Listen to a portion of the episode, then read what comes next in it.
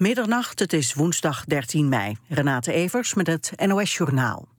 In Jemen is afgelopen avond een staakt het vuren ingegaan... tussen de Saoedische coalitie en de Houthi-rebellen. In de uren daarvoor werd er nog hevig gevochten in het land. In de hoofdstad Sanaa werden meer dan 10 luchtaanvallen geteld... en daarbij zouden 90 doden zijn gevallen. De wapenstilstand tussen Saoedi-Arabië en de Houthi-rebellen moet vijf dagen duren. In die tijd kunnen hulporganisaties voedsel en andere noodhulp aan de burgers in Jemen geven. In Istanbul zijn negen mensen opgepakt omdat ze mogelijk betrokken waren bij de moord op de Nederlands-Turkse Ali Agün. Dat melden Turkse media. Een van de arrestanten zou een compagnon zijn van de tot levenslang veroordeelde drugsbaron Hussein Baybassin. Ali Agün werd afgelopen december doodgeschoten in zijn auto in Istanbul. Hij was een van de hoofdverdachten in het Amsterdamse liquidatieproces. In Enschede woedt een brand bij een groothandel in feestartikelen. Brandweer is met groot materieel uitgerukt. Eén persoon raakte licht gewond. Het pand moet als verloren worden beschouwd. Brandweerlieden proberen te voorkomen dat het vuur overslaat naar naastgelegen panden. De brandweer dacht in eerste instantie dat er vuurwerk op het terrein lag opgeslagen. Maar dat is niet het geval. De komende dag is het 15 jaar geleden dat de vuurwerkramp in Enschede was. Barcelona staat in de finale van de Champions League. Bayern München won weliswaar van de Spanjaarden met 3-2... maar dat was niet genoeg na de overwinning van Barcelona op de Duitsers vorige week. Barcelona moet het in de finale opnemen tegen de winnaar van de anderhalve finale van morgen. Die gaat tussen Real Madrid en Juventus. Het weer, het klaart op en de wind neemt af. De temperatuur daalt tot zo'n 8 graden. Overdag vrij zonnig en droog. Het wordt 14 tot 19 graden. Een hemelvaartsdag begint droog, maar in de middag en avond kan het vooral in het zuiden gaan regenen. Dit was het NOS Journaal. NPO Radio 1. VPRO. Nooit meer slapen.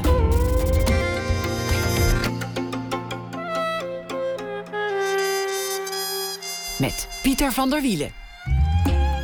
Goedenacht en welkom bij Nooit meer slapen. Na één uur krijgt u een verhaal van uh, schrijfster Franka Treur. Deze week zal ze elke dag een verhaal voor ons schrijven over de afgelopen dag. En dat uh, draagt ze voor na ene. Plagiaat, het is een uh, prangende kwestie, want er was die zaak van de erven Marvin Gaye tegen Pharrell Williams. Op de Buma Muziekconventie kwamen deskundigen uit binnen- en buitenland bij elkaar om daar eens en voor altijd uh, over te praten. Wanneer is iets nou gejat en wanneer is het gewoon geïnspireerd? Ook dat na ene.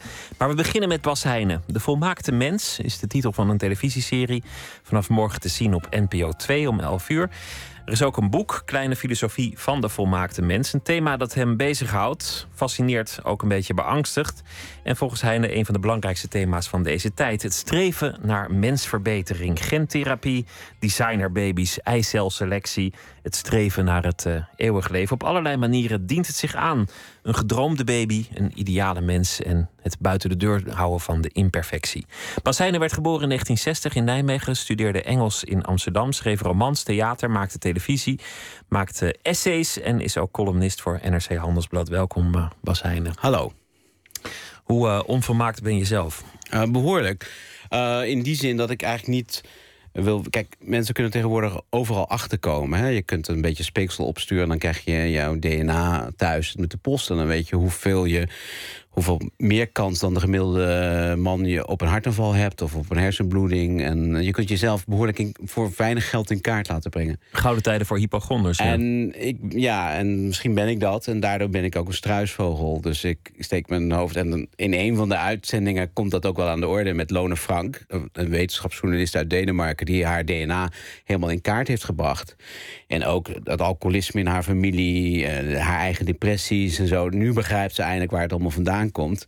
En zij kijkt mij zeer onbegrijpend aan. En ze zei, ja, maar dat wil ik helemaal niet weten. Uh, ik, ik wil die biologische kennis van mezelf niet tot onderdeel van mijn persoonlijkheid maken. En ik denk dat heel, veel, heel veel mensen dat niet zouden willen. Stel nee. dat jouw, jouw moeder alles had geweten wat zich tot nu toe heeft geopenbaard uh, tijdens jouw bestaan. Uh, en ze had kunnen kiezen van, nou neem ik deze of wacht ik op de volgende. Was je dan geboren? Dat hoop ik. Ja, ja hoewel als je er niet was, dat weet je niet. Natuurlijk die, kijk, maar dat is inderdaad een... Uh, waar we naartoe gaan, is dat mijn moeder, toen ik geboren werd, had ze het, maar, uh, had ze het niet voor het kiezen. En uh, Als je, dat was in die tijd, bij wijze van spreken, als ik een kind met Down-syndroom was geweest, dan was dat gewoon, dan was dat eh, wat jou overkwam. En dat was of door God beslist of door de natuur.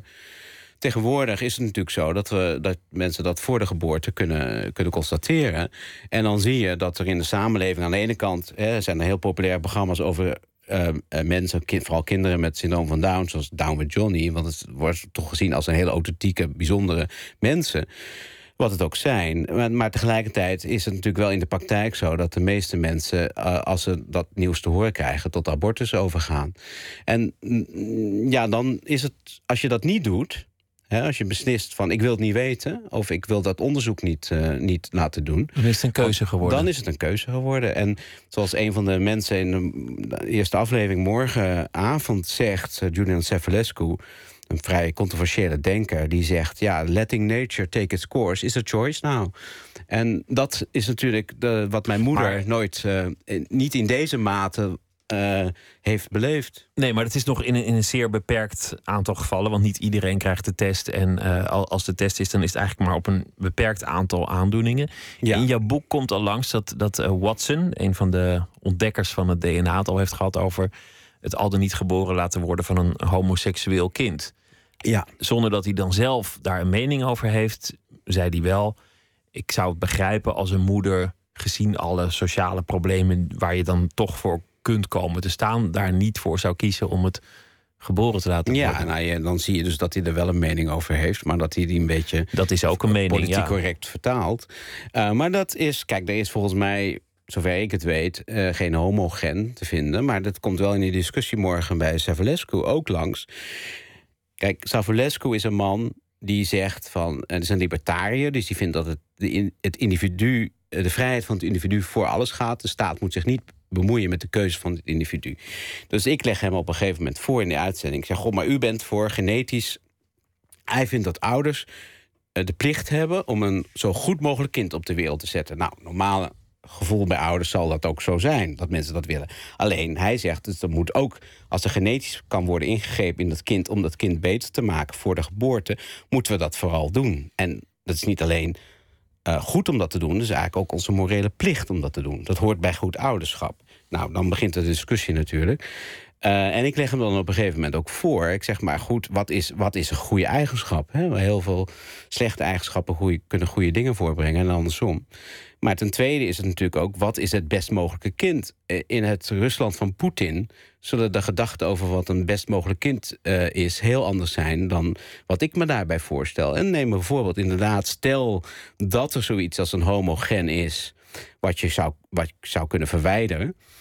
Um, als er een agressiegen is wat je kunt verwijderen dan zullen heel veel mensen zeggen van... ja, ik heb natuurlijk helemaal niks tegen homo's... maar ik wil mijn kind niet een heel moeilijke jeugd bezorgen. En als hij in Rusland woont, dan kun je wel erop rekenen dat dat een Ja. moeilijke jeugd wordt. Nou ja, dus is- we gaan het niet doen. De kwetsbare groep op dit moment niet de homo, maar zo'n andere kwetsbare groep waar er veel meer van zijn, volgens mij, namelijk vrouwen. Want in heel veel delen van de wereld willen mensen gewoon geen dochtertje. De, want want ja, en dat kost winner. ja, juist. Dus ja. die, die, die groep zou het eerst gevaar lopen. ja, nou dat is ook al aan de hand. Hè? Ja, dat gebeurt ook al. Je, je introduceert ehm, veel wetenschappers door eerst hun, hun manier van denken duidelijk te maken aan de hand van een biografisch gegeven. Je noemt die Australische wetenschapper. Nou, zijn vader was ooit gevlucht voor het communisme. Mhm. En dan zeg je, van, nou, die heeft hem geleerd, kies altijd voor vrijheid. En dat is zijn manier van denken geworden. Voor we diep ingaan op die materie van de volmaakte mensen, wil ik eerst weten waar bij jou eigenlijk die fascinatie dan wel angst vandaan komt. Uit welk biografisch gegeven kan ik dat Mm. eh, verklaren? Uh, nou, ik denk, kijk, dit eh, is een onderwerp wat eigenlijk eh, voor mij eh, recent is. Sinds twee jaar. Ik heb, ben twee jaar geleden op een, eh, heb ik een lezing gegeven op congres voor neurochirurgen. En toen ben ik eigenlijk voor het eerst geconfronteerd met, laten we zeggen, die hele wetens medisch, wetenschappelijke, technologische kant van het leven. Terwijl ik, ik, ik schrijf columns voor NRC en dan gaat het meestal over, over maatschappelijke kwesties, over culturele kwesties, over ideeën, over denkbeelden. Ehm, en ik beschrijf. Ik heb eigenlijk altijd een vrij geriefelijk eh, humanistisch eh, eh, wereldbeeld gehad. Hè? Iemand die overtuigd was dat Darwin gelijk heeft, dat we er niets van ons overblijft, maar tegelijkertijd ook een soort christelijk humanisme in zich heeft van ja, we moeten zorgen dat je bij anderen geen kwaad doen en dat je je eigen lichaam niet te veel bruskeert en dat je probeert zo goed mogelijk te leven. Hè? Allemaal eigenlijk ja, een soort, wat ik zeg, christelijk humanisme. En dat wereldbeeld, daar ben ik toch eigenlijk vrij lang in mijn leven redelijk mee doorgekomen. Um, zonder dat dat nou heel erg uitgedaagd werd. Je kunt zeggen dat de laatste jaren politiek-maatschappelijk dat wereldbeeld wordt uitgedaagd door allerlei groeperen en bewegingen die ideologisch geladen zijn, die juist niet het nadruk leggen op de universele verboedering van de mens, maar juist op de groep, op de geschiedenis, op de religie. Die beweging is sterk gaande. Daar kunnen we een uur over praten, dat zou ik nu niet doen. Maar dat is één kant van de zaak. En het tweede is dat, en dat is eigenlijk nieuw voor mij, en dat heeft denk ik ook die serie versterkt, en ook dat boek, is dat we ook op een andere manier dat humanisme wordt uitgedaagd. Om die vraag van, ja, wat is een mens als die mens zijn eigen schepper kan worden? Als wij in kunnen grijpen, in de, als wij de evolutie onder onze hoede krijgen. Dan zijn we natuurlijk altijd al bezig geweest om onszelf te verbeteren. Maar de technologie gaat zo snel dat we nu dingen kunnen doen die, die we eigenlijk niet voor mogelijk hielden. En dat de voorspellingen, reële voorspellingen zijn over dat er dingen te gebeuren staan die nog veel ingrijpender zijn. Bijvoorbeeld, en dat is één voorbeeld, dat zit ook in die uitzending morgen. Als wij vanuit cellen, als ik een huidcel van jou te pakken krijg, en dat ik je, als je ligt te slapen of je dronken voer, en ik neem een huidcel van jou, en ik, er komt een huidcel van mij, en dat wordt omgezet tot stamcellen. Ik zal het zelf niet kunnen, maar dat kan op een gegeven moment. En dat worden vruchtbaarheidscellen. Dan kunnen wij dus een kind maken. En dan kan ik over een paar jaar zeggen: Kijk, Pieter, deze, deze, dit leuke meisje, dat is ons kind. Um, dat is lastig. Dat vind ik best een nachtmerrie wat je daar noemt, Bas. Dat jij voor mijn deur staat met een, met, met een kind. Dat snap ik. En dat zal voor veel mensen zo zijn. Maar, um... maar misschien uh, wordt het kind wel heel gelukkig. Maar, maar is het, uh, maar dat, kijk, dan, dat, wat ik eigenlijk wil zeggen... is dat de consequenties... niet alleen dat je verbaasd bent dat het allemaal kan... Hè, want dat, dat is één deel van die serie... is natuurlijk van... ook waar, waar mijn mond ook wel van open viel... dat je denkt, ik wist helemaal niet. Ik dacht dat dat science fiction was. Maar het kan al. Er wordt aangewerkt door serieuze wetenschappers. Um, maar de tweede is natuurlijk, wat gaat ons dat doen? En dan komt het wel op mijn natuurlijke terrein. Wat gaat het doen met onze, maatschap, met, met onze maatschappij? Uh, als sommige mensen enhanced kunnen worden, zoals dat heet, mensverbeteringstechnieken. Als wij op een gegeven moment, als jij 30% meer geheugen kunt veroorloven. En dat zal natuurlijk in eerste instantie zullen vooral de welgestelden dat kunnen. Um, wat voor maatschappij, de ongelijkheid die er toch al is in de maatschappij, die wordt dan natuurlijk dan alleen maar groter. Hoe gaan mensen met elkaar om als de ene uh, gepimpt is, om het te zeggen, door allerlei uh, technologische verbeteringen. En de andere dat niet wil of niet kan betalen. Wat voor maatschappij krijg je dan? Dus maar, maar help me eventjes, want ja. um, ben je, je bent geen vooruitgangspessimist. Dat wil je volgens mij heel graag niet zijn. Nee. Ik ben wel een conservatief in de zin dat ik denk dat de mens uh, niet zo snel wezenlijk zal veranderen. Het materiaal waar we uit opgetrokken zijn, is wel, is wel te manipuleren. Dat, dat, dat, dat moet ik natuurlijk wel herkennen. Maar er zijn natuurlijk mensen die die technologie een, een, uh, gepaard laten gaan met een heilsverwachting. Zoals die Sevalescu, die ik morgen spreek. Uh, maar er zijn er nog een paar.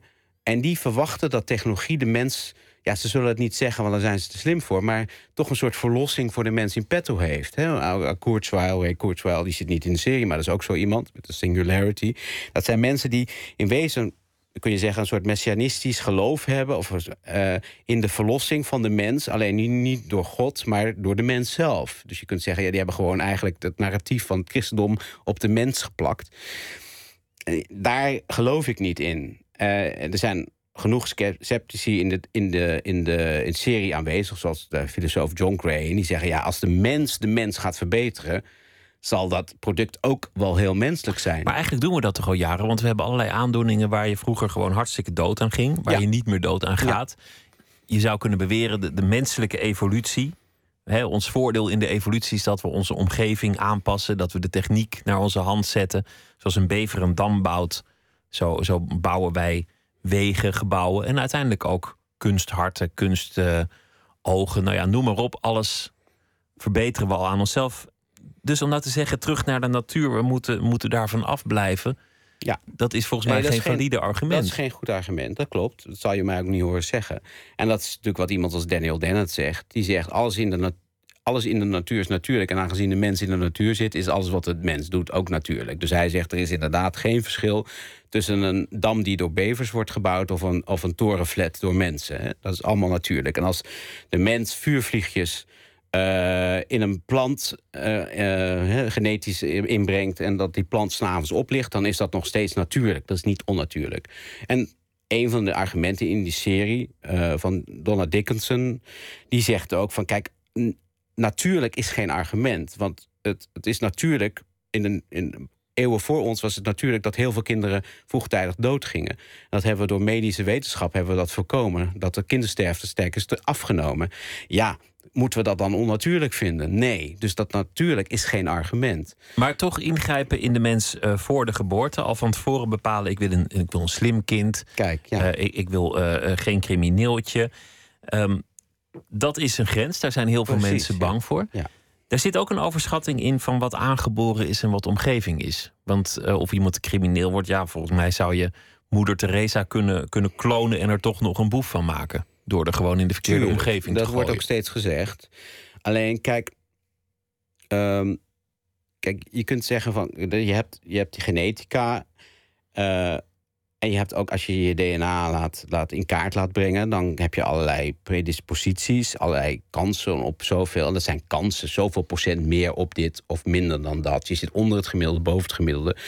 En iedereen die die cijfers eh, aan jou laat zien, zegt van, nou ja, je moet dat wel relativeren. Hè? Dat, dat, dat spuug wat je opstuurt en die resultaten die je thuis krijgt, dan moet je niet s'nachts van wakker gaan liggen, want het, een hartaanval kan ook veroorzaakt worden door de manier waarop je leeft, gezond. En heel veel genetische disposities, dat is waar. Iedereen die dat agressiegen heeft, die wordt niet agressief als hij in een, eh, een, een gebal- uitgebalanceerde omgeving opgroeit. Of in een, hè, maar als hij in een gebroken gezin in een achterstandsbuurt enzovoort enzovoort opgroeit, heeft hij meer kans dat dat gen opspeelt, kun je zeggen, dan als hij in een rustige omgeving zit. Dat is allemaal waar. Tegelijkertijd weet, ik, ik wil niet voor jou spreken, maar weten wij ook dat mensen eh, behoorlijk op cijfers afgaan. Neem bijvoorbeeld kijkcijfers. Iedereen die jou eh, die jij spreekt zal zeggen... ja, maar die kijkcijfers zeggen niks over de kwaliteit van het programma. Of die cijfers, die moet je relatief zien. Dat hangt ook af van die dit en dat. Iedereen kan het heel erg relativeren. En toch zijn die cijfers heel belangrijk. En maatgevend in de omroepwereld. Nou, ik denk dat hetzelfde gebeurt met als je eenmaal weet... dat eh, bijvoorbeeld... jouw kans op dit en dat eh, veel groter is, dan ga je er toch naar leven. Kun je het wel relativeren? Zo'n cijfer is een gegeven zodra het bekend is, zodra het Ja, en dat ligt. kun je heel moeilijk. Kijk, je kunt het rationeel relativeren, maar uiteindelijk heb je niet veel anders dan dat cijfer om je op te richten. Toch is er, er is eigenlijk al vrij veel aan de hand. Als je ziet hoeveel Er is kinderen, alles aan de hand. Ja. hoeveel kinderen nu al ehm, psychofarmaca krijgen. Heb ik nog niet eens Ja. over de volwassenen, maar gewoon kinderen. Eh, hoeveel onderzoek er gebeurt ehm, naar wat jij noemde eh, brain enhancers, pillen om bijvoorbeeld straaljagerpiloten wat meer reactievermogen te geven. In 1978 het eerste kind geboren met IVF. Nu zijn er al eh, plekken op de wereld waar ongeveer een kwart van alle baby's geboren wordt middels IVF. Ja. Kortom, we kunnen de discussie voeren en zeggen: nou ja, zo'n vaart loopt het niet. Intussen gebeurt er van alles. Ja. Maar het gaat er natuurlijk het gaat er niet om. Kijk, het argument wat die, laten we zeggen, de.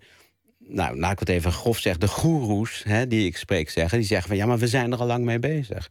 De mens is altijd een technologisch wezen, wat jij net zelf ook zei. De mens is altijd deel van techniek geweest. Hè? Wij zijn technologische wezens. Dus het is heel raar om nu deze revolutionaire sprong in de techniek als onnatuurlijk te gaan zien. Ehm, en er is al heel veel aan de hand. We zijn al bezig om allerlei ziektes uit te bannen. We zijn al bezig om. Nou, ik gaf in het begin het voorbeeld van kinderen met syndroom van Down. En dat, dat gebeurt al. Dat, is geen, dat, staat niet, dat staat niet te gebeuren. Ehm, maar, dat, ehm, maar dat betekent nog niet dat je daarna achterover kunt leunen. Wat, zo wordt het vaak wel gebruikt. Van ja, we zijn al lang, mensen zijn al lang eh, bezig met mensverbeteringstechnieken. Hè, vanaf de eerste. eh, plant die een bedwelmende eh, werking had of geneeskrachtig, zijn we al bezig te, ons Maar lichaam te beïnvloeden. ik maar dat, dat- vind ik een beetje een cop-out. Mag ik het even? Ja. Dat vind ik ook een beetje een makkelijk argument. Kijk, het is soms goed om je zorgen te maken. Iedere technologische grote verandering, en daar zitten we middenin, en die schets jij ook, die veranderen jouw wereld radicaal. Dan is het denk ik ook heel belangrijk dat je daarover na gaat denken en daarover gaat discussiëren. Is dat goed voor ons? En als je dan achterover gaat leunen en zegt: ja, maar in 1850 maakten mensen zich druk over de stoomlocomotief. Want als je in de trein zou zitten, zou je hart naar beneden zakken en zou je overlijden. Nou, dat is ook niet uitgekomen. Of eh, het beroemde filmpje van Frans Bromet. In 1999 dacht iedereen. ah, die, eh, die smartphone, dat wordt, of die, hè, die mobiele telefoon, dat wordt helemaal niks. Dat gaan we nooit gebruiken. Nou, al die dingen zijn niet uitgekomen. Maar betekent dat dat het, dat het geen zin heeft om je er druk over te maken, om je zorgen te over te maken Nou ja, ik- en over te discussiëren? Ik ben benieuwd waar, wa- waar jouw zorg vandaan komt, waar dan die grens ligt. Wat dan, net noemde je al iets, je zei ongelijkheid. Als de een het wel kan betalen en de ander het niet kan betalen Dat om is zijn intelligentie. En, het, en dat voorbeeld van dat homogen, laten we daar even vanuit gaan dat dat dan mogelijk zou zijn. En het is niet denkbeeldig dat dit in de toekomst te sturen valt. Dan, dan krijg je een, echt een, wat mij betreft, wezenlijke discussie. En ik zeg niet dat ik de definitieve antwoorden daarop heb.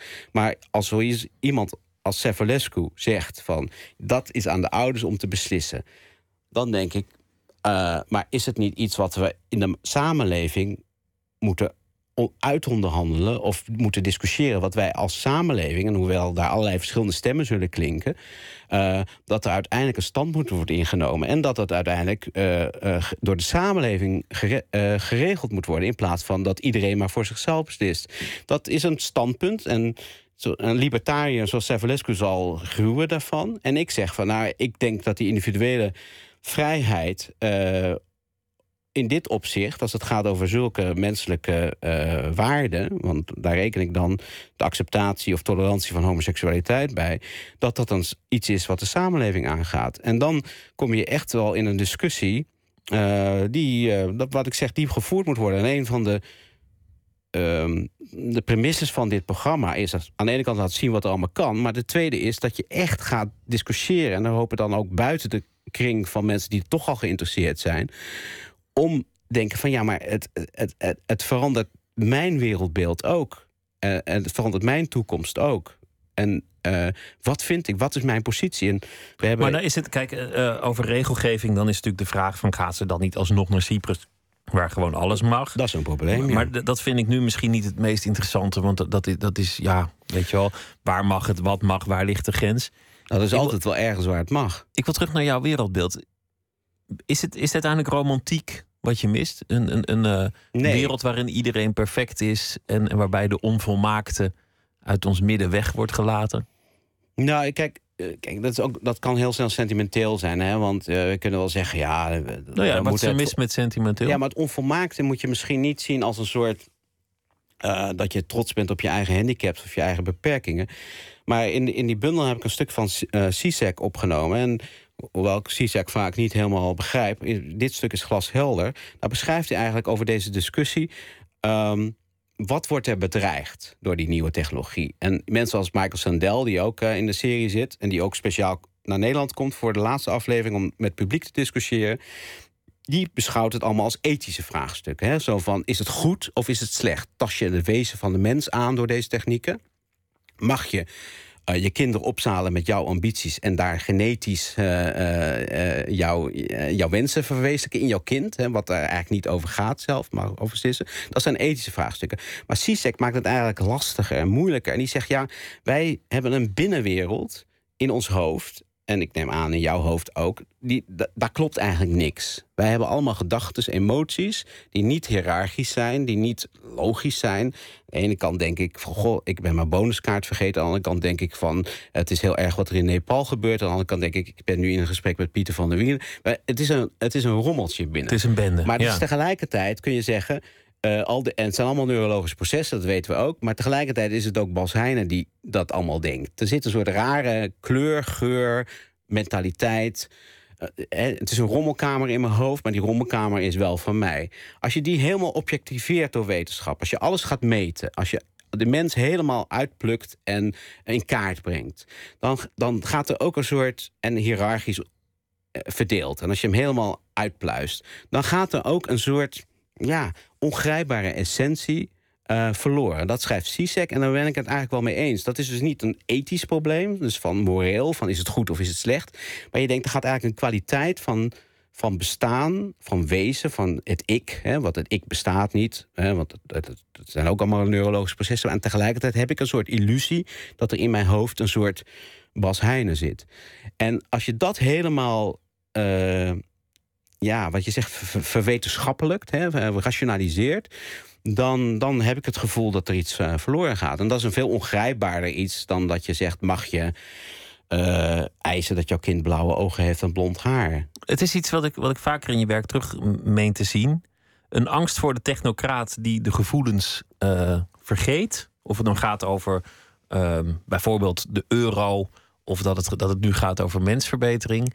En daarmee de mensen die het gevoel nog wel hebben voor, voor dat oude, dat, wat je net sentiment noemt, drijft in de armen van, van anderen. Dus, dus waar je dan in de armen wordt gedreven van een populist bijvoorbeeld. Of in dit geval zou je dan rennen naar de armen van de paus en de katholieke kerk en gewoon alles afzweren wat met vooruitgang te maken heeft. Uh, dat, nou, ik weet niet of ik je helemaal kan volgen, maar ik, ik, ik, ik, ga, ik denk dat ik het wel snap. Uh, het was een soort drietrapsraket. Ja. Het ging een beetje snel, maar je bedoelt eigenlijk dat nou ja, mensen... De, de wetenschappers die zeggen, de wetenschappers zeggen, nou wij gaan er niet over wat, wat mag en wat niet mag, maar dit is technisch mogelijk en we, we zijn gewoon bezig met ziektes bestrijden. En, en die, die willen eigenlijk dat debat uit de weg. Ja, dat vinden ze ook moeilijk om te voeren, want daar zijn ze niet voor opgeleid. Heel veel mensen die denken, ja, nou, eng gedoe met, met, met, met, eh, met, al DNA en, en, en met die gentherapie. Ik, ik, ik moet het eigenlijk niet. Nee. En die vinden geen aansluiting bij dat debat. En worden dus een beetje veroordeeld naar nou ja, oude instituties als de katholieke kerk. Ja, of, of fundamentalisme, of, of materialisme. Of materialisme, of ja, kijk, als je, als, maar... Dat is natuurlijk, dat, ik denk dat je dat, dat, dat is goed, uh, goed beschrijft. Dat als, als, een, als iets te ingewikkeld wordt, moreel te, te moeilijk. En je kunt zeggen dat al deze vraagstukken die nieuwe technologie op... Hè, we hebben het nog over, niet eens over kunstmatige intelligentie gehad... maar al die dingen die op ons afkomen... die dreigen dat geriefelijke mensbeeld wat ik had omver te kegelen. Dat is eigenlijk al aan de hand. Ik kan het eigenlijk niet meer negeren. Dat is met mij gebeurd. Ik kan nu niet meer denken dat dat niet bestaat, want het beïnvloedt mij.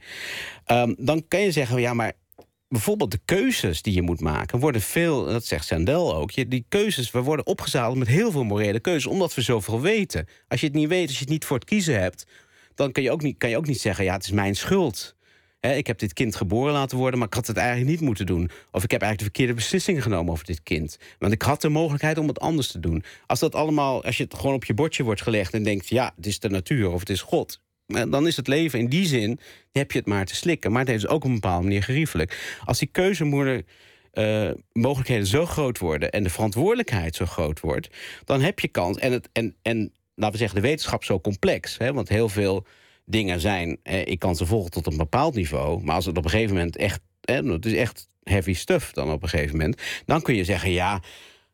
Maar nu kies ik toch liever voor de zuiverheid van een heel simpel geloof. Of voor, uh, laten we zeggen, voor het uh, hedonistische bestaan van kijken wat er op mijn bankrekening. Uh, dan ga je het versimpelen. En dat dan denk ik.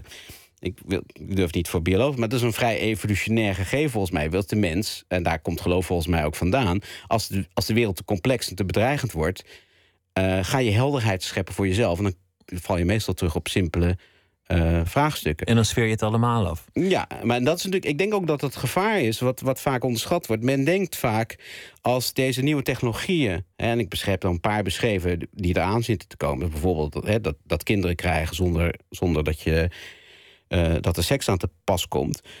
Uh, als deze dingen allemaal mogelijk zijn, dat wil helemaal niet zeggen dat dan iedereen van God losraakt en, en alles maar gaat doen omdat alles mogelijk is. Het kan juist zijn dat mensen enorm zich terugtrekken in een heel stijl moralisme. In een heel, en dan ziet dat op een bepaalde manier nu al in de samenleving vaak gebeuren. Dat mensen juist als de morele keuzes te groot worden en de vrijheid te moeilijk dat mensen zich terugtrekken op een klein eiland van, van, van waarheid of van zekerheid. En dat kan, kan de reactie zijn op al deze technologie. Ik denk dat je dat niet moet onderschatten. En het gevaar wordt altijd benoemd wordt, is juist dat mensen helemaal gekke dingen gaan doen met hun kinderen en alle vrijheden optimaal gaan benutten. Maar het kan natuurlijk zijn dat het de andere kant op gaat. Laat zij een, ehm, een, een, een bioloog uh, tegen mij, een, uh, een voortplantingsbioloog. In de jaren zestig waren we bezig met zoveel mogelijk uh, seks in ruil voor zo min mogelijk kinderen. En tegenwoordig is het hele vakgebied bezig met het omgekeerde, namelijk zoveel mogelijk kinderen in ruil voor zo min mogelijk seks. Oh, dat herken ik niet. Grappige. Nou, al die technieken, IVF en. ja, ja, ja nee, ik begrijp. Dat, is, dat zegt op een gegeven moment ook die uh, een wetenschapper in het programma. Die zegt dat in de toekomst al, de meeste kinderen, of eigenlijk alle kinderen, op een artificiële manier geconcipeerd zullen worden. Ja. Nou, en die, die meent dat heel serieus. Het is al uh, een beetje aan het gebeuren. We gaan luisteren naar uh, muziek van My Morning Jacket, een Amerikaanse band. The Waterfall is een album dat ze net hebben uitgebracht. En het nummer dat we draaien heet Hillside Song.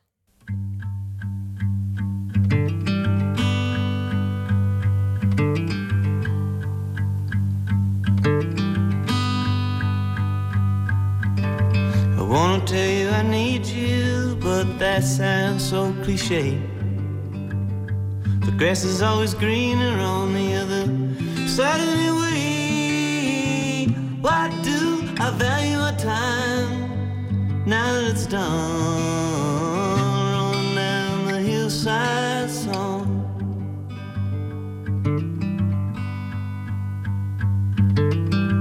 Rolling down the hillside, just playing like two kids.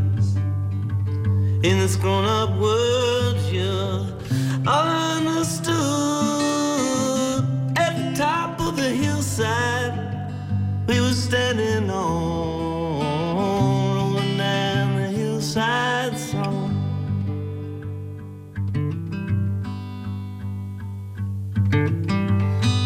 You in the moonlight and me in the dark. Night after night we did always have that spark. What about the music we made so strong? What about the hillside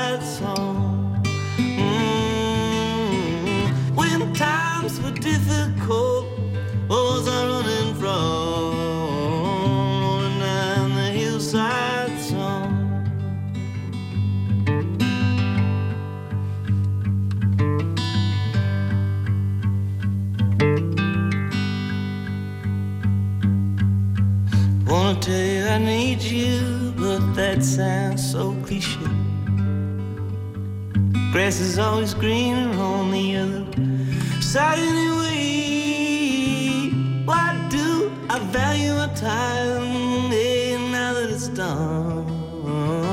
Rolling down the hillside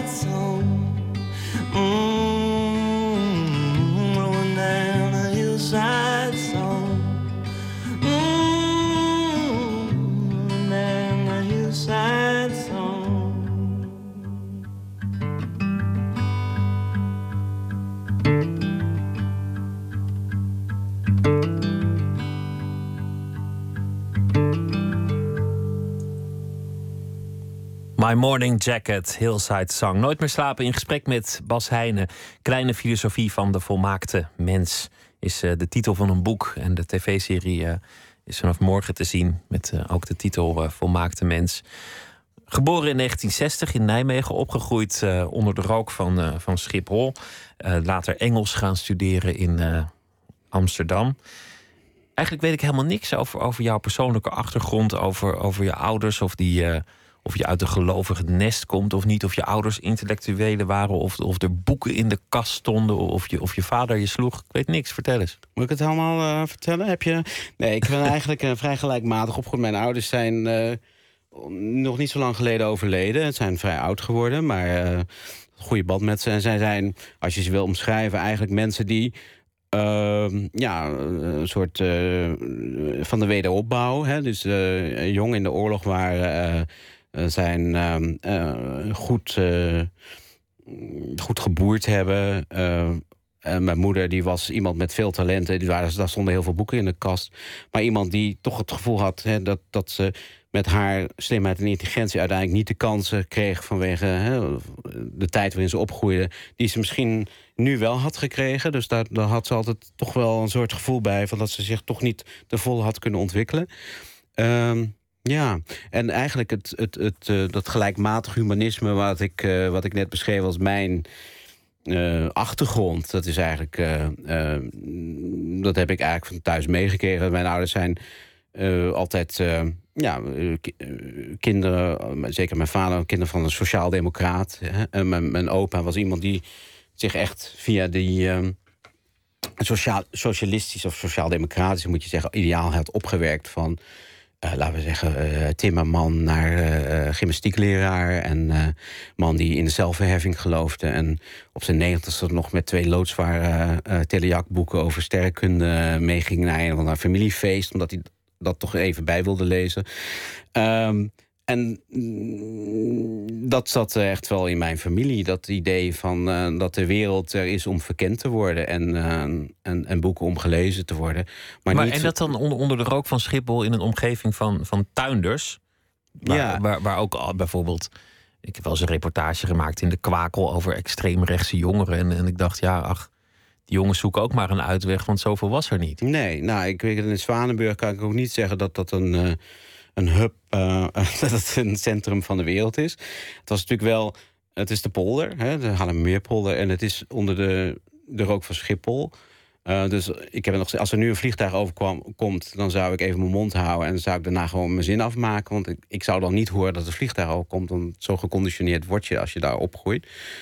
Ehm, eh, maar het zat natuurlijk dicht bij Haarlem en, en Amsterdam. Hè, dicht, tussen de, tegen halfweg aan. En eh, wij gingen vroeger altijd meestal naar Haarlem... omdat dat overzichtelijker was dan Amsterdam. Maar zodat toen ik eenmaal 18 was, ben ik naar Amsterdam gegaan. En daar, daar woon ik nu nog steeds. Engels gaan studeren, ehm, ja, jezelf ontdekken, je geaardheid ontdekken, eh, feesten, ehm, dat soort dingen. Je, je was goed bevriend met eh, Frans Kellendonk, waar, waar de laatste tijd veel om, om te doen is, de, de, Ja. de jong overleden schrijver. Je hebt eens gezegd, zelfs een, een beetje verliefd op hem. Een echte intellectueel. Was dat ook de tijd waarin je zelf, jezelf ontdekte als intellectueel? Wat, wat voor Eh, sfeer was dat? Ja, ik, heb, ik, ben, ik, ik, ik, ik vind het altijd... En misschien deel ik dat met eh Kellendonk heel moeilijk om, een, om mezelf in een bepaalde rol te zien. Dan heb je al meteen iets van, ja, maar dat past helemaal niet. Of ik ben helemaal geen... eh, ik ben helemaal niet links, of ik ben helemaal niet rechts. Ik ben, want dan heb je een soort etiket op jezelf geplakt... en daar moet je je dan naar gedragen.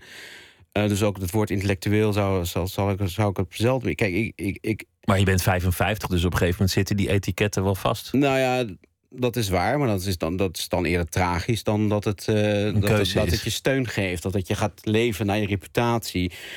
Ehm, ik zou willen dat, dat je. Kijk, als je, als je een, een, een, levende, onderzoekende geest hebt, en geloof wel dat ik die heb. Dan wil, je die zo, dan wil je zo direct mogelijk de dingen ervaren. En dingen die niet in jouw eh, wereldbeeld passen, daar moet je dan op een bepaalde manier toch een houding toe vinden. En als je een gesloten wereldbeeld hebt, dan krijgt dat geen kans meer. En de materie waar we nu vanavond over praten, is denk ik ook wel een voorbeeld van iets waar ik tien jaar geleden totaal niet mee bezig was. Ehm, en nu probeer ik het wel te incorporeren in de rest wat ik in al die jaren dan bedacht heb. Dus, eh, en daar, het- ik vind het ook lastig om er op die manier over te praten, want het is net of het heel doordacht is. Maar dat is eigenlijk vrij spontaan, omdat je denkt, ja, maar als, eh, als ik dit vind en dit is er aan de hand, dan klopt dat niet. Dus hoe, eh, hoe ga ik er dan over denken? En dat, die houding probeer ik eigenlijk eh, ongeveer op alles los te laten. En dat gebeurt niet eens zo bewust als ik het nu vertel. Dat gebeurt vrij spontaan. Maar er moet een moment zijn geweest dat je van een student Engels, die, die in Amsterdam, eh, nou ja, gewoon student was, tot de gedachte kwam: wat, ik te melden heb, is het publiceren waard. Of, of ik moet dat podium nemen, of mijn gedachten die verdienen gelezen te worden. Ja, nou, kijk, eh, precies zoals je het zegt, zo is het niet. Omdat ik eh, altijd een enorme, en misschien nog te lang ook, een soort schroom heb gehad om juist eh, die brutaliteit van hè, wat ik zeg, dat doet ertoe, Om het om podium te te nemen. ontwikkelen. En ik heb altijd nog een beetje het gevoel, als ik heel eerlijk ben, maar het is nu toch midden in de nacht, dat ik iets moet overwinnen om dat te doen. En inmiddels ben je, wat je zegt, ik ben op een zekere leeftijd Eh, dus inmiddels heb je ook wel een vorm van zelfvertrouwen en weet je ook wel ongeveer wat je waard bent. Maar er is altijd nog een gevoel bij alles wat ik doe en wat ik schrijf. Dat, en dat, ik denk ook dat dat nodig is om goed te kunnen schrijven. Het gevoel van, van de hoge duikplank afspringen. Dus je moet uiteindelijk niet denken, maar gewoon springen. En, en En als je te veel is, nadenkt, spring je niet meer. is als je een stuk hebt geschreven om op cent te drukken, bijvoorbeeld. Ja, en er is altijd een vorm van eh, twijfel. Als je, kijk, als je iets. Mensen denken vaak als je een essay schrijft, of in, in mijn geval, de meeste mensen kennen mij van de columns, denk ik. Dat je dan zeker als je gaat zitten, weet je wat je, gaat, wat je vindt. En ik denk dat iedereen die column schrijft, die een beetje oké zijn, weet dat het niet zo is. Je bent aan het zoeken naar wat je vindt. En veel, eh, soms heb je een idee, maar dat moet ook vers blijven. En tijdens het schrijven gebeurt er vaak iets dat je opeens denkt: ja, maar dit is het, nu begrijp ik het. En dan kun je dat met een zekere zelfverzekerdheid uit, uit etaleren, want je weet ook wel, je weet ook iets van techniek van schrijven. Eh, maar er zit altijd een element van, van aftasten en onzekerheid in. Bijna, het is bijna een performance, als een Het is een jazzmuzikant. Het is een, eh, en zeker een column is een stand-up genre. En daar, je moet gaan staan, maar je moet ook improviseren. Je, moet, je, je weet niet van tevoren precies wat er gaat gebeuren. En dat maakt het spannend. En dat kan natuurlijk misgaan, maar dat- als het goed gaat, is het ook wel... Dan voel je dat ook. Dan is het niet iemand die nog eens iets oplepelt... wat hij al 450 keer heeft eh, beweerd. Maar het gaat ook vaak over, over het gevoel. Eigenlijk waar we het net over hadden, de, de volmaakte mens. Dan, dan kom je niet met een, met een uitgekristalliseerde ethische verhandeling van hier ligt de grens en wel hierom. Nee. Ook niet met een wetenschappelijke verhandeling van nou, tot hier is het nog natuurlijk en daarna niet meer. Waar het heel erg om gaat is een soort gevoel ergens in de onderbuik dat zegt: het zit mij niet lekker. Ik kan niet precies plaatsen waarom, maar volgens mij staan we aan de vooravond van iets wat mij niet bevalt. Ja. Ja. Nou, dat is denk ik wel zoals ik. Kijk, ik, omdat ik niet een denksysteem heb of een, of een, of een vaste overtuiging, waarvan ik hè, een prisma waardoor ik de wereld bekijk, maar juist proefondervindelijk probeer te leven, of sowieso wat qua temperament leeft, denk ik, dan kom je dingen tegen en daar moet je omheen lopen en, en proeven wat het dan eigenlijk is. Alsof je iets, hè, je krijgt, je ziet opeens in je achtertuin een vreemd voorwerp liggen en je moet kijken hoe je je daartoe verhoudt, wat dat is, wat dat gaat betekenen in je leven. En eh, dat is denk ik, eh, ik denk, kijk, ik, ik, wat ik zei, mensen, mensen kennen me van mijn columns, maar essayistiek is natuurlijk wat ik het liefst bedrijf. En ik denk ook wel dat daar het zwaartepunt van, van, van, van mijn schrijven ligt, is onderzoeken. Hè, het woord essayeren. Je probeert af te tasten wat iets is. En dat, dat, dat brengt natuurlijk wel eens het verwijt met zich mee. Wat ik wel vaak hoor van ja, die Heine die, analyseert het wel. Maar waar zijn nou zijn oplossingen? En mensen gaan er dan toch vanuit dat ze. Er is een probleem ergens. En dan moet je een tienpuntenplan uitvoeren. En dan is het probleem opgelost. Maar iedereen weet dat problemen, eh, als ze al opgelost worden, als ze opgelost kunnen worden. Dat daar een mentaliteits- een bewustzijnsverandering aan vooraf moet gaan. Mensen moeten eerst anders over iets leren denken voordat je het kunt veranderen. Maar je maakt jezelf ook mee kwetsbaar. Door, door, door, Wie maakt mezelf kwetsbaar? Nee, je maakt jezelf kwetsbaar als je als je, je mengt in een debat op, op gevoel, noem ik het maar, op, op sentiment. Oh ja, Zonder, zonder gewapend geharnast met een mening. Kijk, als je, als je het debat ingaat met een, met een mening die klaar is, dan zeg je voor of tegen de euro, of weet ik veel waar je voor of tegen bent. Ja, maar dat vind ik dan meteen niet zo interessant. Eh, en, en nogmaals, kijk, je bent kwetsbaar tot op zekere hoogte. Maar je bent natuurlijk ook wel, ja, kijk, je hebt ook de, schrijftechniek. En eh, je kunt ook, eh, ik, wil, ik ga niet in eh, goedkope polemiek. Maar je kunt wel van je afbijten. En je kunt ook dingen scherp verwoorden. En, en daarbij, ik ben een Cor Vidal, is een van mijn. Als je zegt over voorbeelden spreekt, dus Gore Vidal. Was, en die was behoorlijk filijn. En die kon ah, met een goede. Hè, want ik, ik, zeg altijd: ik, ik, ik ben voor de methode van de Bulgaarse geheime dienst. Je komt langs met een paraplu, die vergiftig is, je steekt, die loopt door en opeens valt er iemand om. Dat is, als er dan polemiek moet gebeuren, dan heb ik dat het liefst. Dan scheldpartijen of dat je eindeloos in mieren kwesties gaat zitten.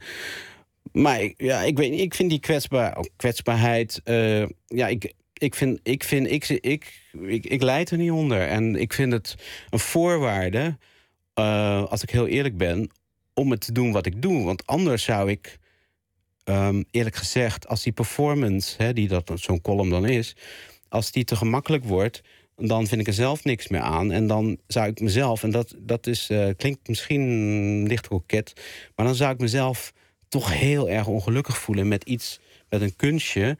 Eh, wat je weet dat, eh, hè, wat ik zei, je kunt heel makkelijk columns schrijven als je wil. En namelijk, linkse mensen willen al, nee, rechtse mensen willen altijd horen in wat voor land leven wij. En linkse mensen willen horen in zo'n land wil ik niet leven. En als je dat sentiment indrukt, dan vinden mensen dat heel mooi. Dat moet je dus niet doen. Ehm, dus moet je jezelf moeilijk maken. Het moet voor jou, voor, voor jezelf ook een zekere waarde. Er moet, ja, waarom zou je anders doen wat je wil? Is net bij al het andere werk. Als je je werk niet leuk vindt, waarom doe je het dan? En ja, dus, dus ik zie die kwetsbaarheid, als het al kwetsbaarheid is, eh, zo voel ik het eigenlijk niet, eh, niet als een, eh, als een, als een minpunt. Dus eigenlijk ben je wel ook over die, die schroom heen gekomen, als ik dat zo hoor. De schroom waar we het net nou, over dat, hadden. dat van- is eigenlijk iets, en dat in die zin eh, heeft leeftijd ook een voordeel. Dat je uiteindelijk ben je, ben je, wen je aan je eigen zwakke, zwakheden, aan je eigen.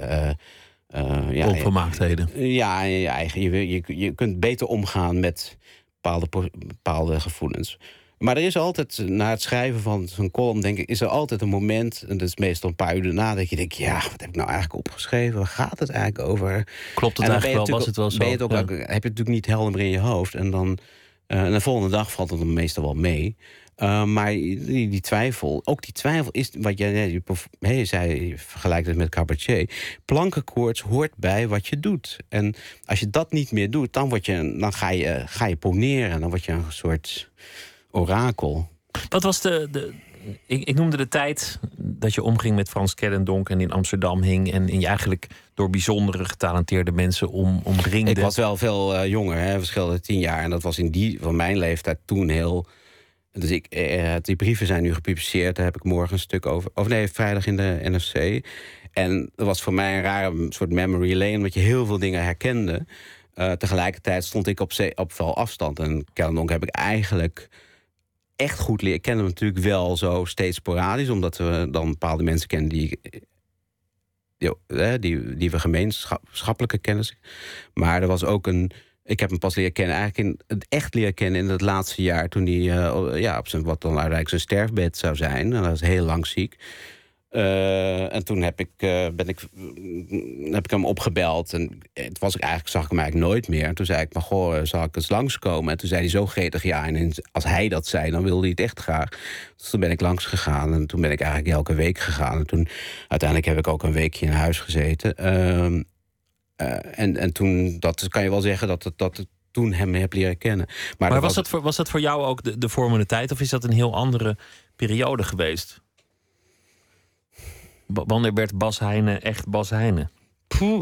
Eh, nou, kijk, ik denk dat die, die. Kijk, wat jij, je somt allemaal op wat ik gedaan heb. En dat is nogal eh, veel. Maar je En het ook schiet ook zeggen- alle kanten op. Ja. Van, van, een, van een roman naar een toneelstuk, Ja, naar een biografie. Naar, Nou, sommige eh, dingen zal ik niet nog een keer doen. Maar er is, er is, dat is altijd een, wat ik zeg, er is een dunne lijn tussen eh, veelzijdigheid en versnippering. En ehm, eh, ik denk dat ik nu wel. Kijk, ik denk dat die essayistiek, hè, het idee en, en de- het onderwerp van essayistiek is voor mij: wat is mijn verhouding met de wereld? Dat klinkt hoogdravend, maar het gaat, je komt in de krant en op het nieuws allemaal fenomenen tegen. En je denkt, maar wat heeft dat nou met mijn leven te maken? Hoe verhoud ik me nou, hè, eh, laten we zeggen, het islamitisch radicalisme, of zoals we dat in de IS nu zien. Ehm, wat, wat gebeurt er in die wereld en hoe reageer ik erop? Wat zijn mijn, wat herken ik ervan? Wat herken ik niet? Wat is er vreemd van? Het onderzoeken daarvan op een persoonlijke manier. Dat is uiteindelijk wat, waar het mij om gaat. Dus als je, denk ik, al die dingen die ik eh, doe en gedaan heb eh, op een rijtje zet en probeert de constante daarin te ontdenken, dan zal dat ongeveer dat moeten zijn. Maar dat is dus niet één genre of één, één, één soort van schrijven. Er is ook een moment in ieder leven dat de tijdgeest eh, je voorbij schiet en, en, en je met je handjes zwaait. Dat, dat, dat eh, je denkt, nu kan ik het niet meer volgen. Een onzichtbare lijn waar je overheen gaat, dat je denkt, nou, ik hoef eigenlijk de nieuwe versie van dat apparaat niet meer. Of deze gebruiksaanwijzing, die ga ik niet meer lezen. Eh, ja, dat, dat kan gebeuren. Ik, ja, dat weet je. Het, probleem is al dat je daar zelf te laat achter komt, waarschijnlijk. Als iedereen denkt, nou ja, waar heeft hij het nou over? Dat is echt dat, eh, dat, eh, tot nu toe heb ik dat gevoel niet. En, maar het kan zijn dat sommige. Kijk, ik denk dat het probleem van ouder worden is niet dat er nieuwe dingen gebeuren die je niet snapt, maar dat er heel veel dingen gebeuren die je al te goed snapt. Dat is denk ik een groter probleem. Dat je denkt, oh, dan, gaat het dat, gaan we die kant weer op. Dat hebben we al eh, tien jaar, twintig jaar geleden ook al beleefd. Dat is veel gevaarlijker dan je, dat je denkt, goh, nou, die je- jeugd van tegenwoordig, die kan multitasken. Nou, daar weet ik niks van. Dat is vaak een misverstand. Hè. Heel veel mensen projecteren eh, op mensen van 18 dan vergelijken ze het met toen ze zelf 18 was. Ja, toen zag de wereld er anders uit. Maar als je zegt, nou, die jongeren die zijn niet meer partijgebonden. Dan denk ik, nee, maar mensen van 50 zijn ook niet meer partijgebonden. Snap je? Dus er is, er is een soort, dat noem ik dan de age fallacy... dat mensen eh, hun eigen jeugd projecteren op de jeugd van nu. En dan is er een groot verschil. Maar zij zijn zelf natuurlijk ook heel erg veranderd. Maar ik denk dat het grote gevaar is dat je sommige dingen te vaak voorbij ziet komen. Dat je denkt van ja, hier kan ik niet nog een keer heel erg emotioneel of Hier kan ik me niet meer kwaad over maken, ja. Of kwaad over maken. Ja, dat is denk ik een grotere bedreiging dan dat je de wereld niet meer snapt of zo. En dat, dat is een beetje, dat is, een, dat is eigenlijk aan de oppervlakte het cliché. Maar- Maar, daaronder net- zit een dieper en dat is eigenlijk vrij vernietigend gevoel. Als je dat, als je daaraan overgeeft, dan moet je echt je tuintje gaan wieden.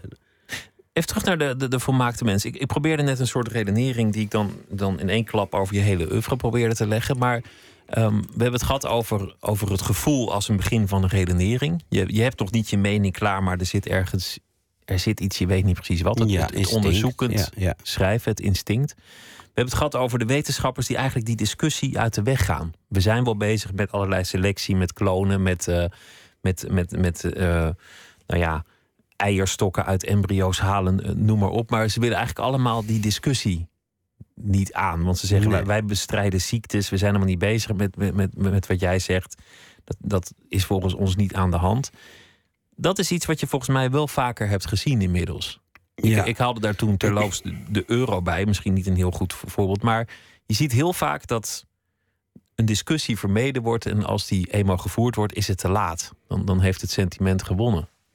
Ja, dat is, komt omdat heel veel van die argumenten, zeker ook bijvoorbeeld in de wetenschap, maar misschien ook wel met de euro, zijn gewoon rationeel of quasi-rationeel. En zeggen van je moet niet zeuren.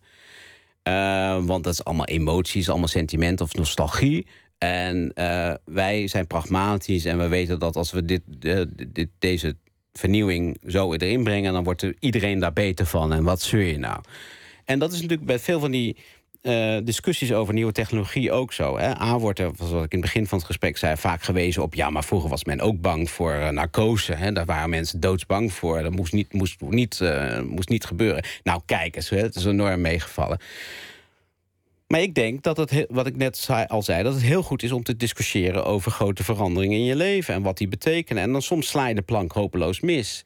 En soms, je moet altijd terugvallen op wat soms een gevoel is of een emotie. Ik herinner me dat ik in, eh, in het dorp, eh, dat, dat, dat Zwanenburg, waar ik dan ben opgevoerd, was ik eh, een jaar geleden, geloof ik, voor was, was een het bestond 100 jaar, ook niet erg lang, maar daar werd iets gevierd en er was een discussie en daar zat ik in. Dat was voor mij terug naar waar ik vandaan kwam. En daar was eh, dat, dorp waar ik eh, ben, ben opgegroeid, dat heeft, had een zwembad. En dat openluchtzwembad stelde verder niet zoveel voor. Maar dat was met eigen geld bij elkaar gesprokkeld. En tot mijn grote verbazing was dat zwembad opgeheven, was wegens niet rendabel. En ik merkte ook dat in dat dorp geld gold het idee van een zwembadtrauma. Men vond het toch heel vervelend dat dat dorp, wat verder ook niet zo heel veel had, dat d- zwembad is weggenomen. En dat was eh, Johan Remkes, de commissaris van de Koningin. En die, toen, hij dat hoorde, keek hij echt zo met zo'n totaal... eh, ja, waar de VVD op dit moment patent op heeft... totaal onbegrijpende blik. En zegt, maar je hebt toch een auto? Dan ga je toch naar een ander dorp waar wel een zwembad is? En dat was natuurlijk pragmatisch, had hij natuurlijk gelijk. Dat in die tijd dat het zwembad was... misschien heel veel mensen nog geen auto hadden. Uh, maar de gevoelswaarde hiervan, van dat zwembad... en van de eigenwaarde voor dat dorp... en de, en de, eh, de, de, de, de idee De ziel van was uit het dorp gerukt en hij begon over ja, je moet dat niet sentimentaliseren. Hè? Dat kan heel snel de andere kant op slaan. Dat je denkt, ja, zonder zwembad valt er ook wel te leven. Maar aan de andere kant, als je zegt van... ja, maar die zijn emoties, daar kan ik niks mee. Dat vond ik wel typisch. En dat merk je natuurlijk ook vaak... Hè, om het nu even terug te vertalen naar die, naar die, die discussie over die nieuwe technologieën... dat mensen heel vaak, en dat zie je ook in de discussies tussen een aantal van die denkers die ik heb uh, geïnterviewd. Bijvoorbeeld Michael Sandel. Zijn, die, die, die is niet religieus, maar die zegt... je moet het leven beschouwen als een geschenk. Iets wat je gegeven is.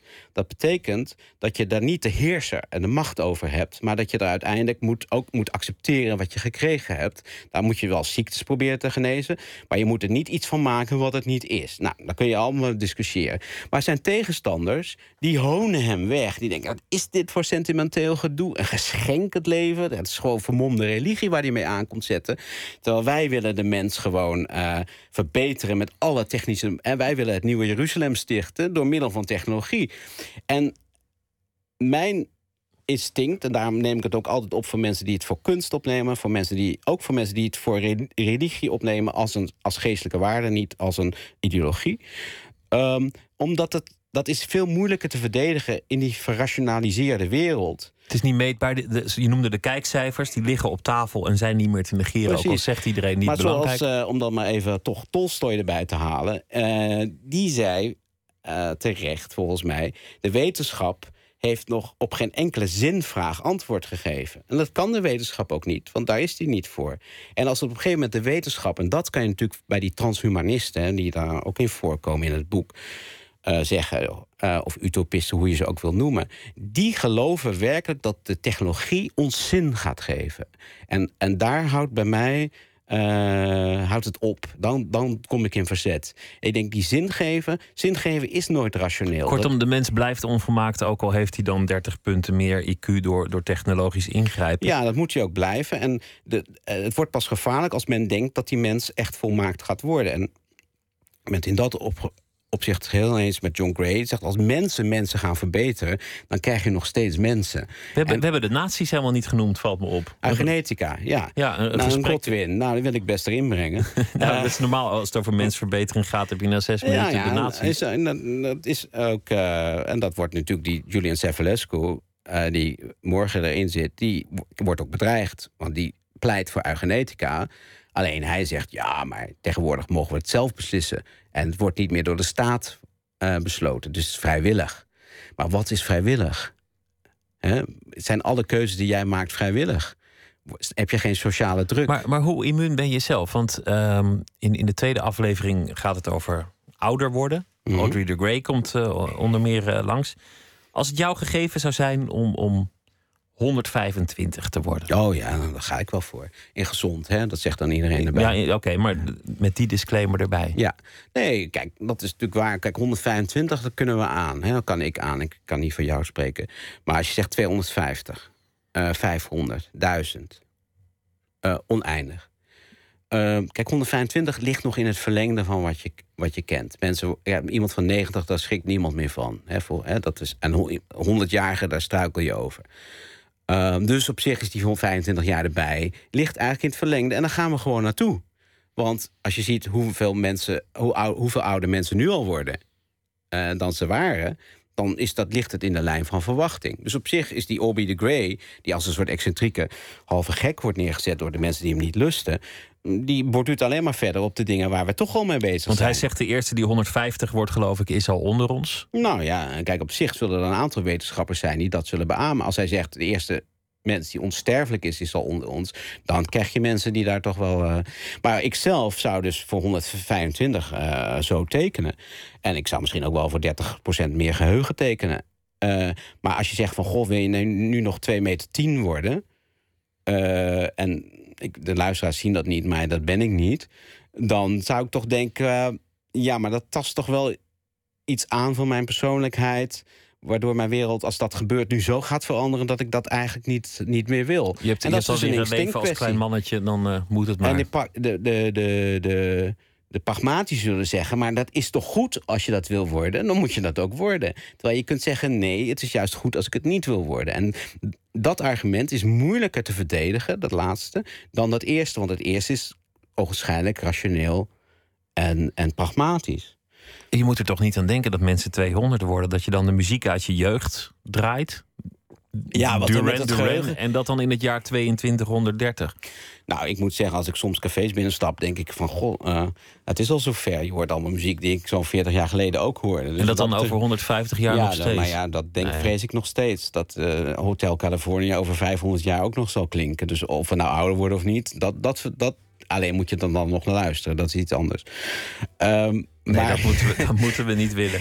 Nee, maar, ja, maar kijk, maar zo'n De Grey is uiteindelijk iemand, tenminste, zo, zo zie ik hem, als die je uitdaagt om je eigen geriefelijke noties tegen het licht te houden.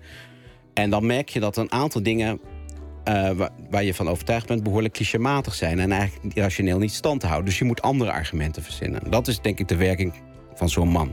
Hij is eh, een van de grote denkers, komt eh, aan bod in de serie. En eh, nog vele anderen. De volmaakte mens vanaf morgen te zien om 11 uur op NPO 2. En het boek heet Kleine Filosofie van de Volmaakte Mens. Bas Heijnen, dankjewel. Leuk dat je er was. Geen dank, leuk. En eh, Twitter, het VPRO NMS of via de mail nooit meer slapen, at vpro.nl.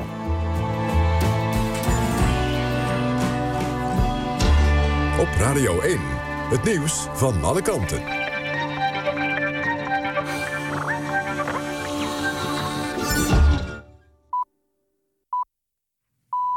1 uur. Renate Evers met het NOS Journaal. In Amsterdam is diverse malen geschoten op een man. Dat gebeurde rond tien voor half één op de De Klerkstraat in Amsterdam-West. Volgens een redacteur van de NOS lag de man naast een auto op de grond. Hij lag stil en werd niet door agenten gereanimeerd. Een woordvoerder van de politie kan nog niet zeggen of er sprake is van een liquidatie. Ook een tram die voorbij reed werd door een van de kogels geraakt. Alle inzittenden bleven ongedeerd. De man die eind januari het NOS-gebouw binnendrong... heeft eerder die maand een e-mail gestuurd aan het tv-programma Pauw. Dat heeft presentator Jeroen Pauw gezegd in de uitzending van gisteravond. De mail kwam binnen op 8 januari, een dag na de aanslag... op het satirische weekblad Charlie Hebdo in Parijs. Het bericht van Tariq Z werd in eerste instantie niet echt opgemerkt... omdat er volgens Pauw heel veel min of meer verwarde reacties binnenkomen. Pas later, na het incident bij de NOS, realiseerde de redactie zich dat er van de dader een e-mail was binnengekomen. Tariq Z schrijft daarin dat de televisie een machtig medium is dat de massa kan manipuleren en controleren. De Russische minister Lavrov vindt het absoluut noodzakelijk om nieuwe deuken in de relatie met de Verenigde Staten te voorkomen. Lavrov sprak in Sochi met zijn Amerikaanse collega Kerry. Het ging onder meer over de crisis in Oekraïne, het Iraanse atoomprogramma en het Midden-Oosten. Kerry had ook een lang gesprek met president Poetin. De Amerikaanse minister noemde het een eerlijke discussie. Poetin liet via een woordvoerder weten dat die ontmoeting open, constructief en vriendschappelijk vond. Het weer, het klaart op en de wind neemt af. De temperatuur daalt tot zo'n 8 graden. Overdag vrij zonnig en droog. Het wordt 14 tot 19 graden. Hemelvaartsdag begint droog, maar in de middag en avond kan het vooral in het zuiden gaan regenen. Dit was het NOS Journaal. NPO Radio 1. VPRO. Nooit meer slapen.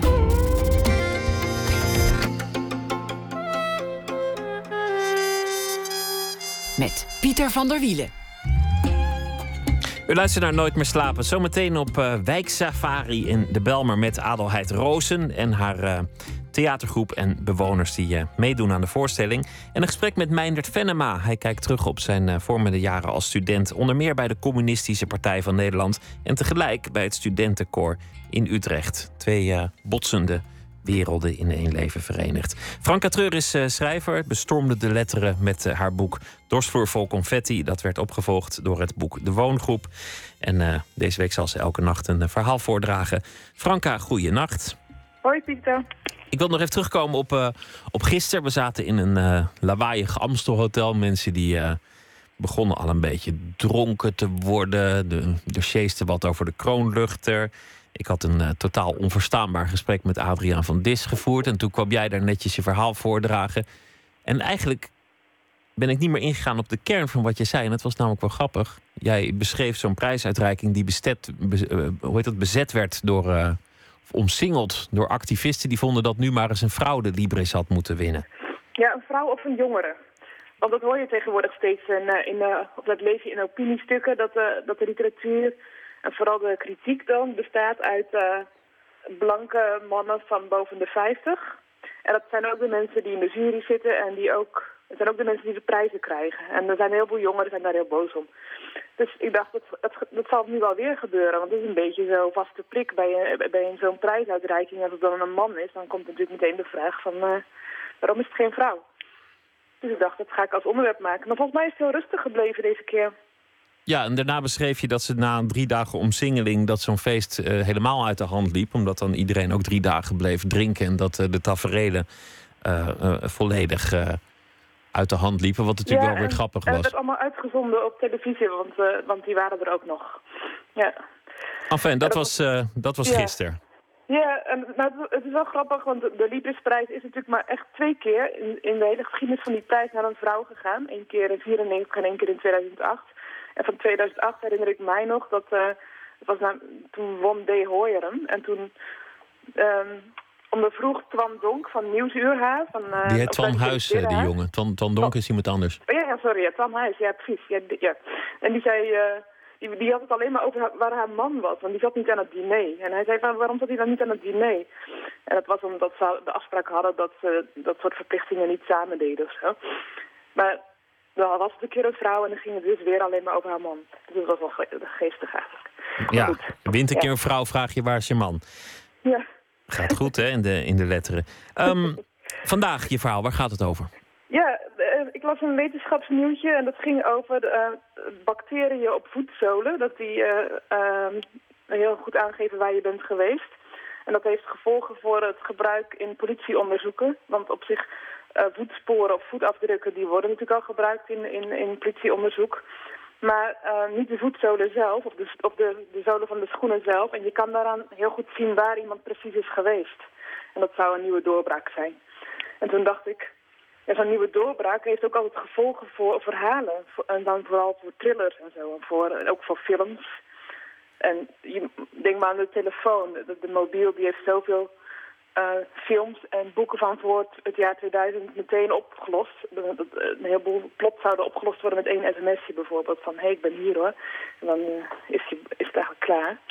Toen dacht ik van, nou, zou zo'n zo'n eh, ontdekking ook nog gevolgen hebben. Dat is natuurlijk al een kleine ontdekking en die gevolgen zullen niet groot zijn. Maar ik heb geprobeerd een soort spannend verhaaltje te maken waarin het eh, wel een rol speelt. Nou, ga je gang. Draag voor als je wil. Ja. In de stille nacht wordt Mark Ottinga wakker van zijn pasgeboren dochter. Hij gaat meteen naar het babykamertje. Hij is een goede vader. Hij neemt haar mee in zijn eigen bed en warmt een flesje voor haar op. Zijn vrouw, Eva, die na haar verlof net weer is gaan werken, slaapt diep. Terwijl zijn dochter drinkt, hoort Mark geluiden in de garage. Het geluid van de deur, van iets dat ergens tegenaan stoot. Hij legt de baby neer op zijn kant van het bed en dekt haar toe. De deur naar de garage klemt, maar Mark gooit zijn gewicht er tegenaan en hij schiet open.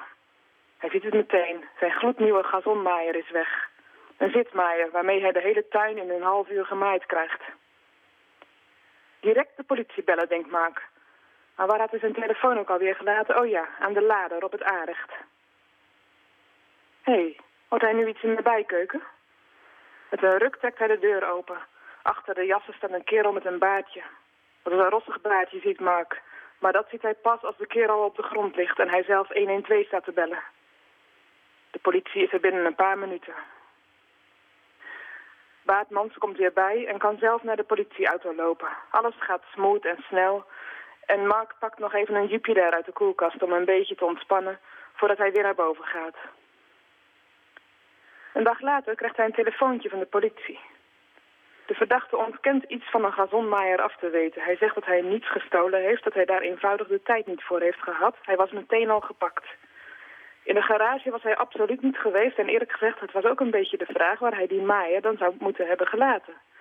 Wist meneer Ottinga wel zeker dat de maaier weg was? Ja, de maaier was echt weg.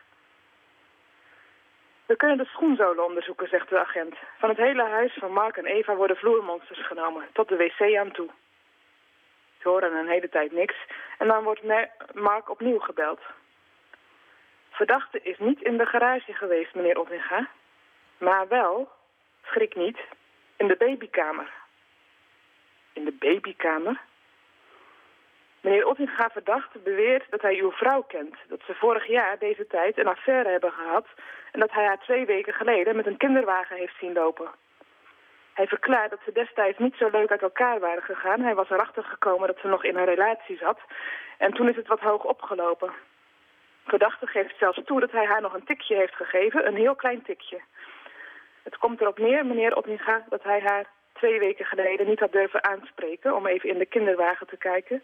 Maar hij zegt dat hij wel erg nieuwsgierig is. Verdachte beweert dat ze het in die tijd niet veilig deden.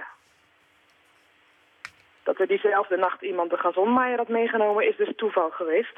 Evenals het feit dat de baby niet in het babykamertje had gelegen. Meneer Ottinga, ook verdachte zit dus nog met een vraag. Hoe staat u eigenlijk tegenover een DNA-test? Dat was het.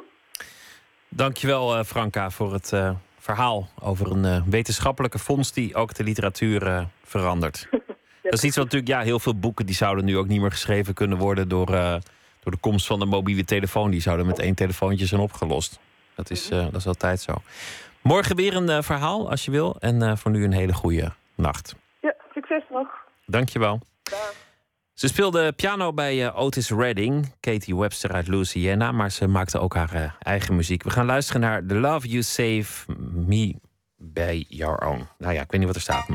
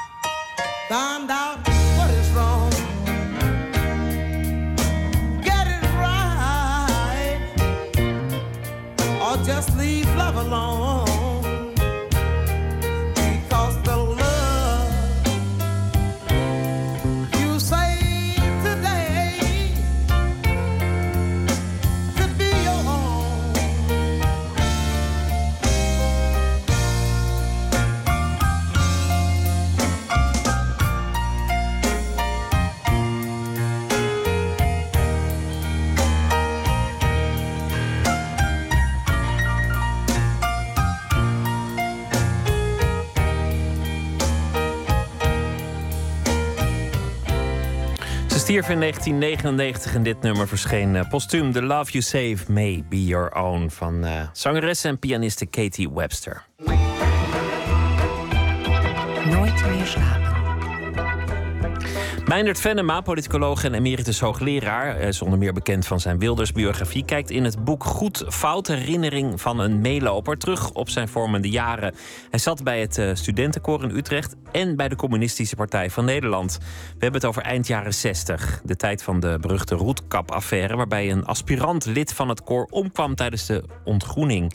Grote opschudding veroorzaakte dat. Venema ging samen met verslaggever Maarten Westerveen na 48 jaar terug naar het Gele Kasteel, het uh, gebouw van het Utrecht Studentenkoor.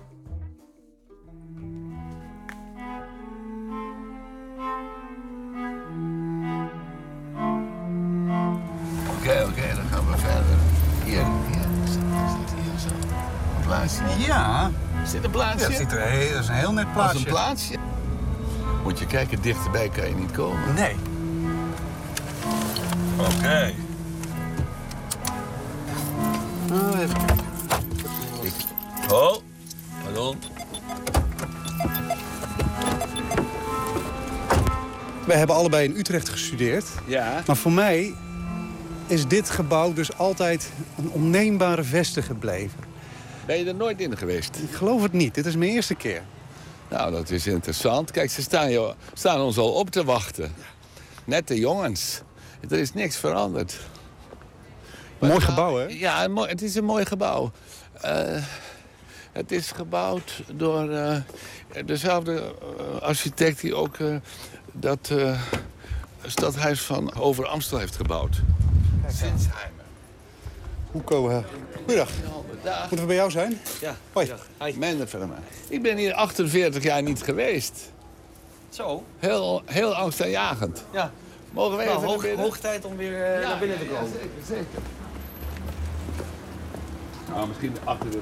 Er is, er is veel, uh, we gaan wel via deze kant, omdat het nu allemaal gebarricadeerd staat daar. Wat heb je er, is, er is veel veranderd, maar er ook weer niks. niks uh, er is niks veranderd. er is helemaal niks veranderd. Dat is de culturele muziek. Ik wil even naar de wc op de eerste verdieping. Die beschrijf ik, daar ben ik uh, ontgroend op mijn eentje. Omdat ik niet wou kikkeren. Dat was om... Moeten jullie nog kikkeren? Laten jullie mensen nog kikkeren? Niet meer, hè? Voor de mensen die het niet weten, wat is kikkeren? Kikkeren is dat je op je hurk uh, zit... en dat je dan uh, op je hurken naar voren springt als een kikker. En dat is ongelooflijk zwaar. En ik wou dat niet doen... En toen namen zij mij meteen mee naar boven naar de wc waar we zo gaan kijken. Dat was een, ik vond hem angstaanjagend, die wc. En dan werden er vijf, vijf beste ontgroeners werden gehaald. En die gingen om mij heen staan. En die hebben mij een, een, uh, een uur lang hebben die mij doorgezaagd waarom ik niet wil kikkeren. En, uh, en toen ben ik doorgeslagen. Dus toen, toen, ik kon er niet meer aan. Ik zeg, ja, ik ben, uh, ik ben spastisch. En dat is ook zo. En ze waren zo opgelucht. Want ze dachten, die, die, die, die Venema krijgen we niet klein. Moet ik ach achteraf geconstateerd hebben. Maar ze kregen mij dus wel klein. Want toen kreeg ik meteen een, een witte band om mijn arm. Ik was dat testfeut. En dan mocht je niet kikkeren. En dan mocht je ook niet geslagen worden. Je mocht niks doen wat fysiek was. Dus daarna ja, was het allemaal voor mij eigenlijk makkelijk. Maar toen had ik mezelf al verraaien. Nou ja, praten jullie rustig door, want ik ga even naar de wc. Ik ben er zo weer. Maar, maar dan heb ik nog een leuk verhaal over de wc. Maar... Wat doet dat met je als je dat inzicht hebt? Dat je weet, oh verdorie, ik, ik buig voor dit soort dingen. Wat, wat, ja. wat, wat voor verschil maakt dat voor, voor, voor een mens? Voor nou, jou? op dat moment dacht ik, ging het door me heen.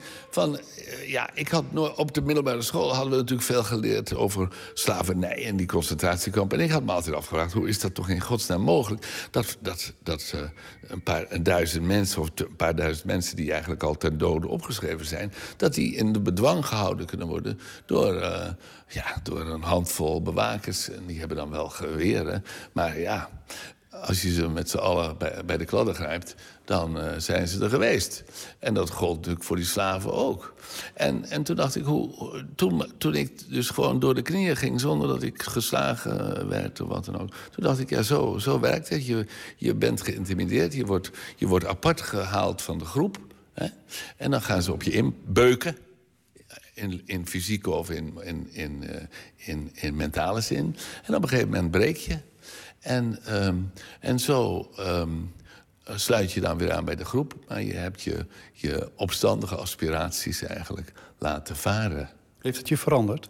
Ja, het heeft me wel veranderd. En ik denk dat het ook, ook wel... Het, het, heeft me aan de ene kant bescheidener gemaakt... maar ook weer nog arroganter. Want later ben ik lid geworden van de Communistische Partij van Nederland. Omdat ik dacht, ik zal die oude elite zijn poepje laten ruiken. En maar toen bleek achteraf dat die CPN eigenlijk net zo elitair was... als, uh, als het Utrecht Studentenkoor.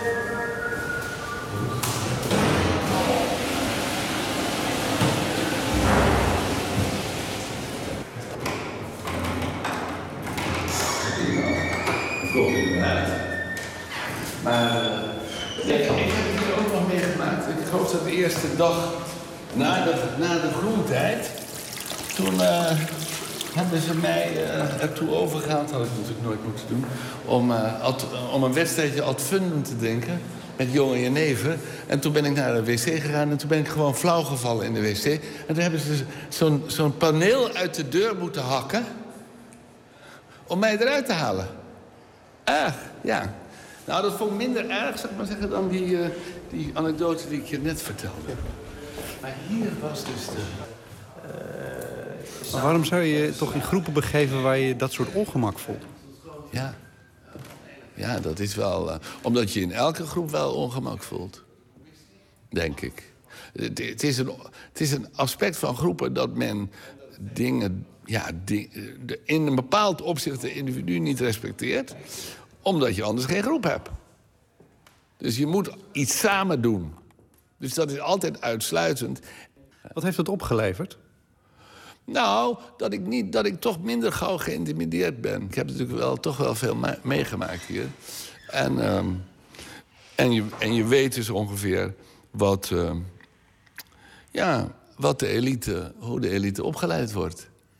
Um, je spaart jezelf helemaal niet in het boek, nog niet in de titel, nog in de manier waarop je uh, vertelt over je, je, nou ja, hoe je meedoet, op welke manier ja. je meedoet, uh, wat je betekenis is geweest in al die activiteiten.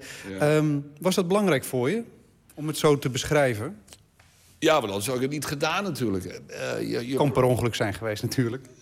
Nee, nee, nee, want ik heb, er, ik heb er heel veel, het heeft me heel veel verdriet gekost om dit boek te schrijven. Ik heb er veel onder geleden, zeg maar zeggen. Nou, niet, ik, ik, het is niet zo dat ik, uh, dat ik zielig ben of zo.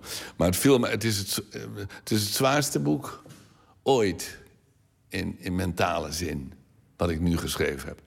En dat komt omdat ik toch inderdaad geprobeerd heb... om, om een beetje eerlijk te zijn en, en uit te zoeken wat je nou beweegt.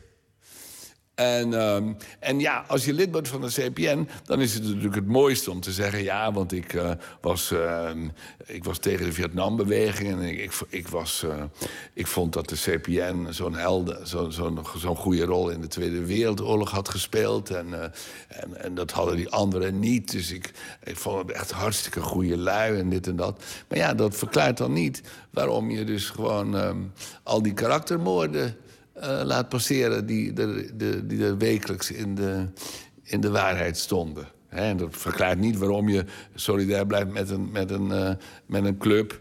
die eigenlijk uh, weer op zijn beurt solidair is met vol, volkomen corrupte en gewelddadige regimes... in, in China, in Cuba en in de Sovjet-Unie. Ik denk toch dat als je mij, als je, als je mij op de snijtafel legt... dan, is dus zijn er twee elementen. Ik wil er toch graag bij horen. Zowel bij het Utrecht Studentenkoor als bij de CPN. En tegelijkertijd was ik wel, wel iemand die er dan toch weer afstand van, van hield. Uh, maar vooral dat erbij horen en de fascinatie voor een elite... dat is, was, was bij mij heel sterk. En, en ik heb me pas later gerealiseerd dat die CPN... dat, die, dat, dat, net, ja, dat was ook een elite. En daar wou je graag bij horen. Waarom zou je bij dingen willen horen? Nou ja, ja, dan doe je ertoe. Dan doe je ertoe als je, als je ergens bij hoort. Ik denk dat iedereen toch wel ergens bij wil horen. En ik moet wel zeggen dat. Ehm, dat we doen nou heel negatief om, vanwege die groentheid. Uh, maar het koor was wel. Um, om, in, om het in het Spaans te zeggen, acogadora. Dus als je er een keer in zat, dan hoor je, hoorde je erbij. En uh, dan kon je je heel veel veroorloven. Uh, begrijp je? In termen van gedrag, maar ook in termen van politieke opvattingen. Het, was, het koor was natuurlijk een hele liberale club. Ik probeerde uit te vinden waarom ik dit allemaal gedaan had. Dus kijk, nadat de muur gevallen was, of al eerder... voor iedereen ligt dat anders nam je dan afstand van die, van die vereniging. En zei van ja, dat eh, deugt allemaal niet. En die CPN, dat, dat moeten we niet meer willen. Maar dat is toch nog wat anders als wanneer je dan je afvraagt waarom je überhaupt begonnen bent. Terwijl je eigenlijk had kunnen weten waar je aan begon. Dat gold ook voor het, voor het koor natuurlijk. Ik bedoel, ik wist dan wel niet hoe het er toe ging in detail. Maar je wist wel in grote lijnen hoe die lui koek hapte, zal ik maar zeggen. En uh, wat is dan de conclusie? Waarom dan toch? Uh, nou ja, om, uh, ik heb, zei het al. Omdat ik, omdat ik er graag bij wilde horen. Het was ook een vorm van sociale... So, ik ben een, klimmer. Ik ben een sociale klimmer. Tot en met.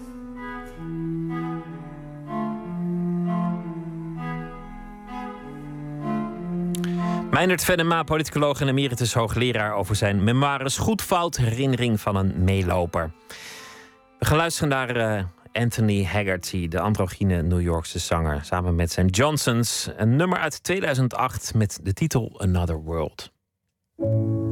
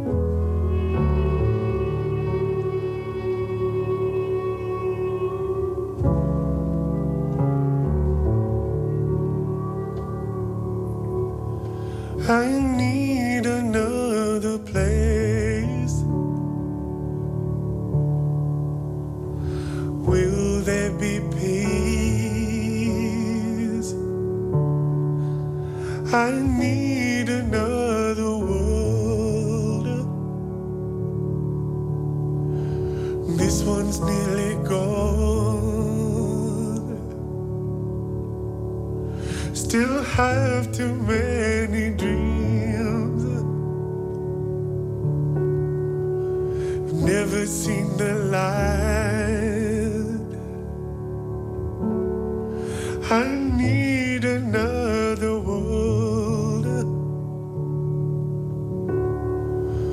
a place where I can go. I'm gonna miss the sea.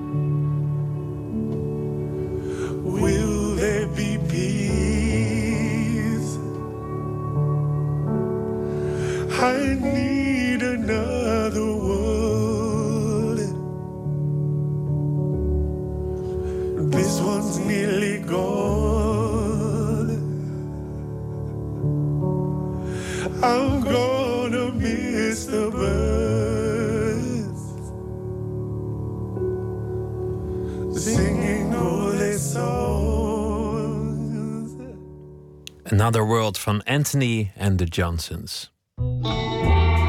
Nooit meer slapen.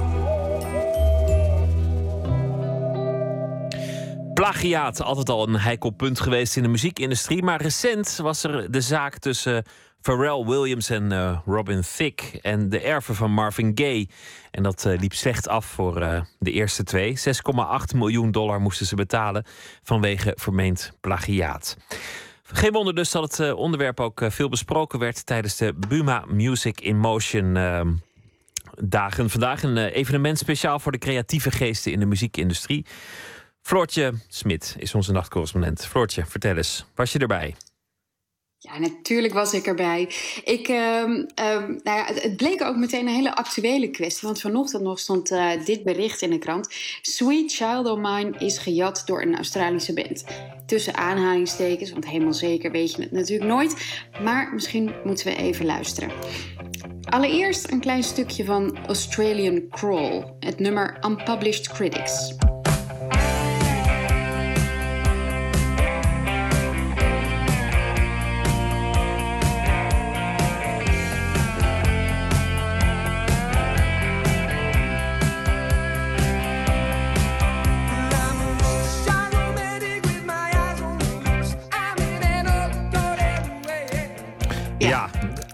Ja, nou, en dan even voor de, nou, voor de mensen die het niet meer weten, laten we ook een heel klein stukje Guns N' Roses horen. Een heel klein stukje Sweet Child of Mine.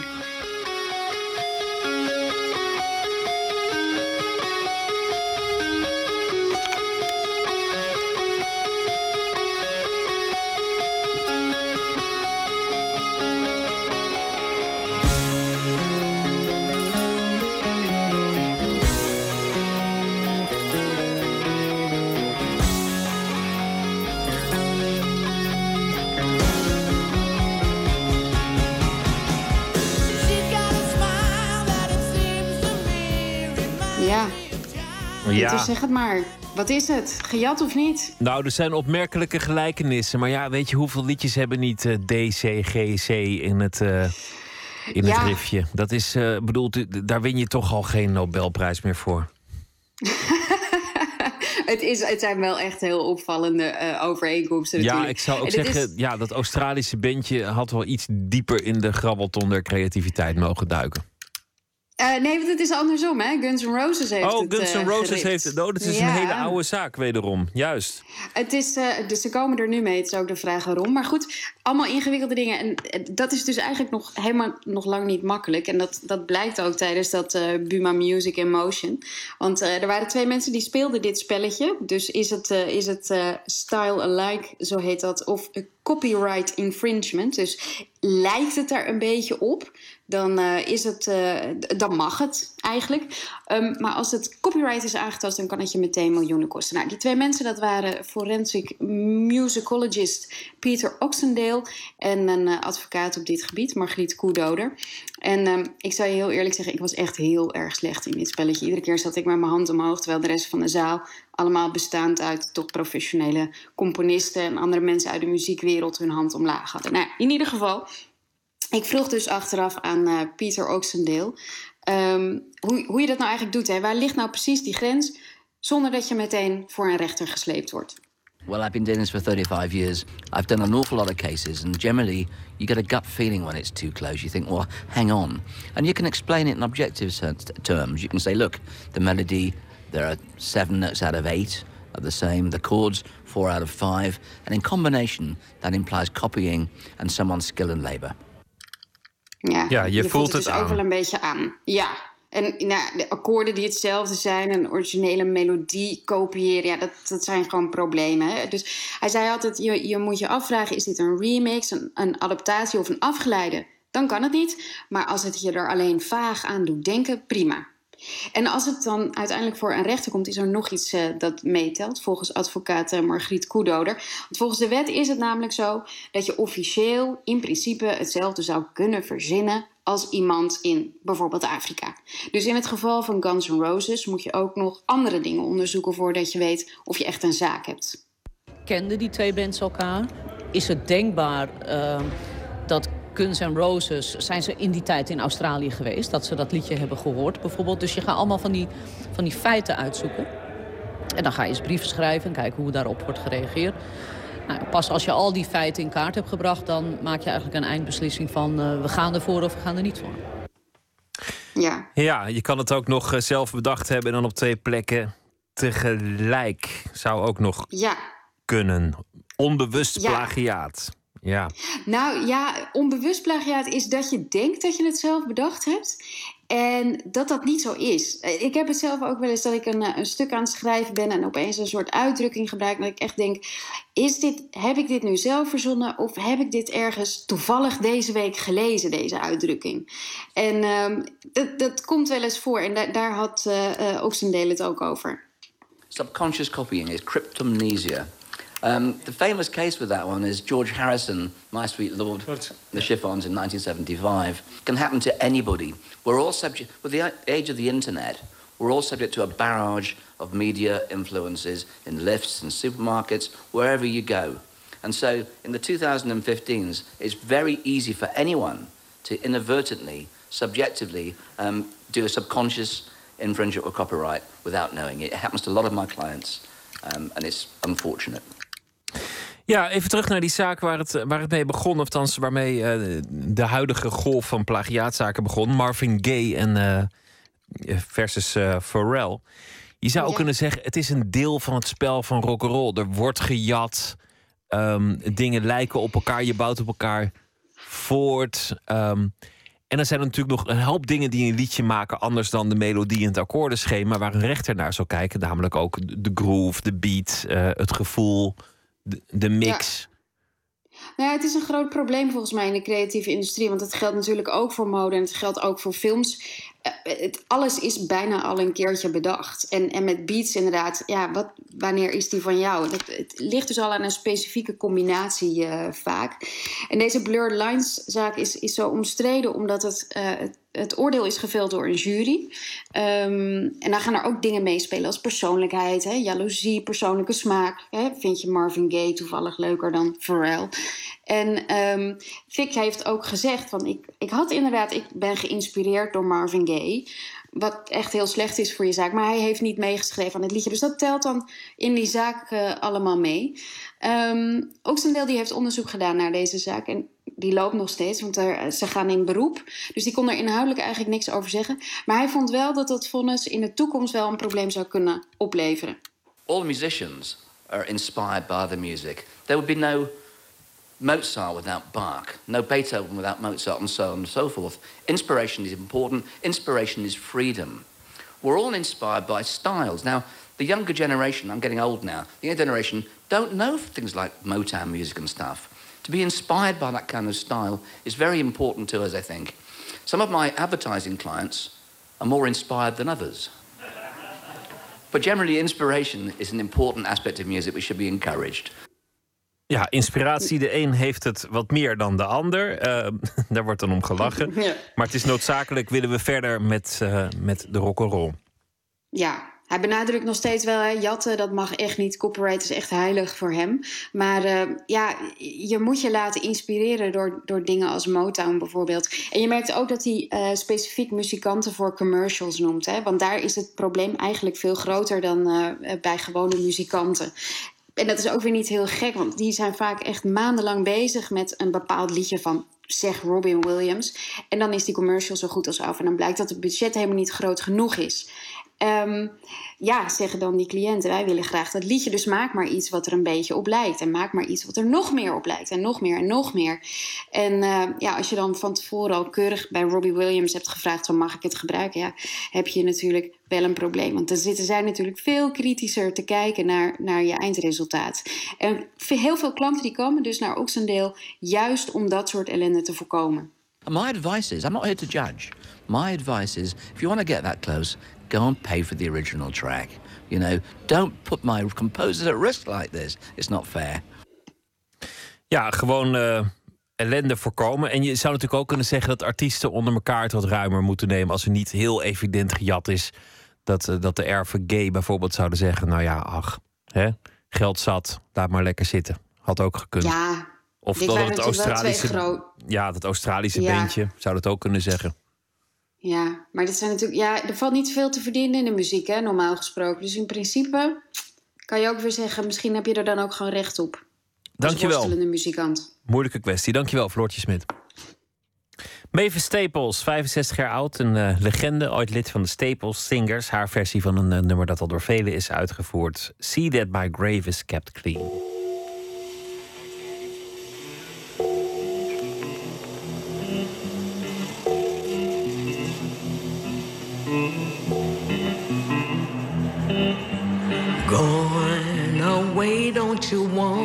Wanna go? Going away, don't you wanna go?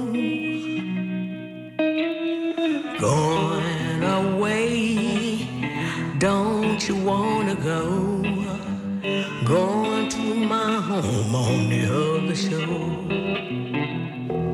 There's just one kind favor I'll ask of you.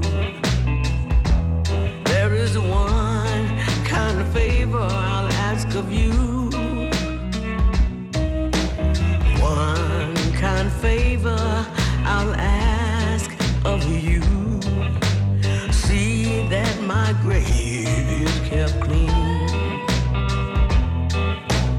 Dig my grave with a silver spade. Won't you dig my grave with a silver spade? Dig my grave with a silver spade.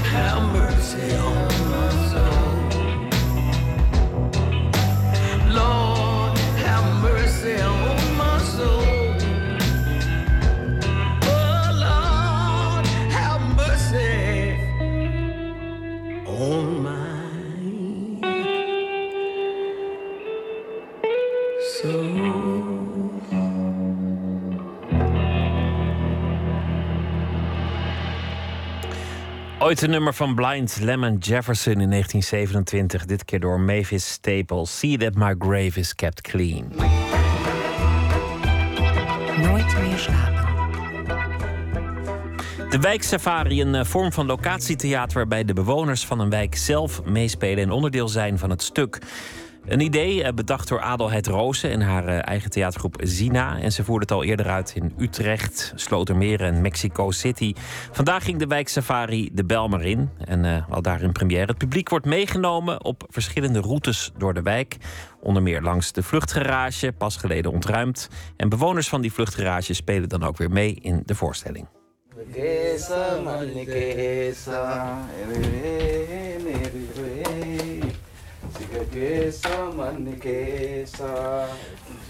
Wat ik zelf heel leuk vind, is dat al het publiek wordt gebeld twee dagen van tevoren door, door een speler. Dus door degene, door de speler in wiens huis je het eerste komt.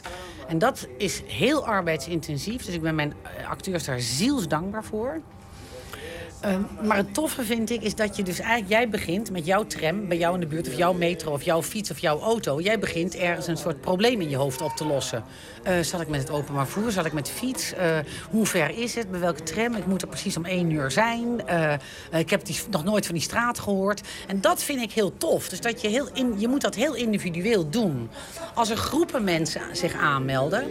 dan, dan spreiden wij ze over de routes. Weet je, dus je kunt met maximaal met z'n tweeën in één route. Je kan wel met z'n tien naar die voorstelling komen, maar je kan dat niet met z'n tienen bij elkaar. Dus wij willen ook dat je dat zoveel mogelijk individueel of in duo's beleeft. Want je leert ook weer de tien mensen met wie je door die wijk trekt. Weet je, dat andere publiek, die andere acht van het publiek, die leer je ook weer kennen. En dan ga je een deur zoeken en dan moet je ook letterlijk, net zoals wij, ergens aanbellen. Welcome to visit us. Dit is Mahmoud. uh, Welcome to visit us. Dag. Welkom Nasser. Dag. Sinds december ben ik uh, ingetrokken bij Nazir Mahmoud. En alle structuur in mijn leven heb ik laten gaan. Niet uit de veronachtzaming. En ook niet uit de misplaatste solidariteit... met de onorganiseerdheid in de vluchtgarage. Maar vanuit een nieuw perspectief voor mijn leven, aan mijn leven vorm te kunnen geven. Agree or not agree? Melich die is geadopteerd door. Mahmoud en Nazir. En dat zijn twee jongens eh, uit de groep die in de vluchtgarage zaten... en die dus net is ontruimd. Want dat is een beetje het concept. Jullie trekken als theatertroep min of meer een wijk in. En dan eh, gaan jullie acteurs... Ja, ze gaan twee weken in adoptie. Um, Melich is dus door Nazir en Mahmoud geadopteerd. Dus hij zwerft eigenlijk door dat leven mee. Hij is met die adoptie vrij vroeg begonnen. En dat brengt hij terug in die scène. Nazir en uh, Mahmoud. Ja. Ze gaan nooit als een eenling naar buit, buiten. Waarom? Why you are not going... Uh... Yeah, because we don't have nothing. So uh, we keep each other.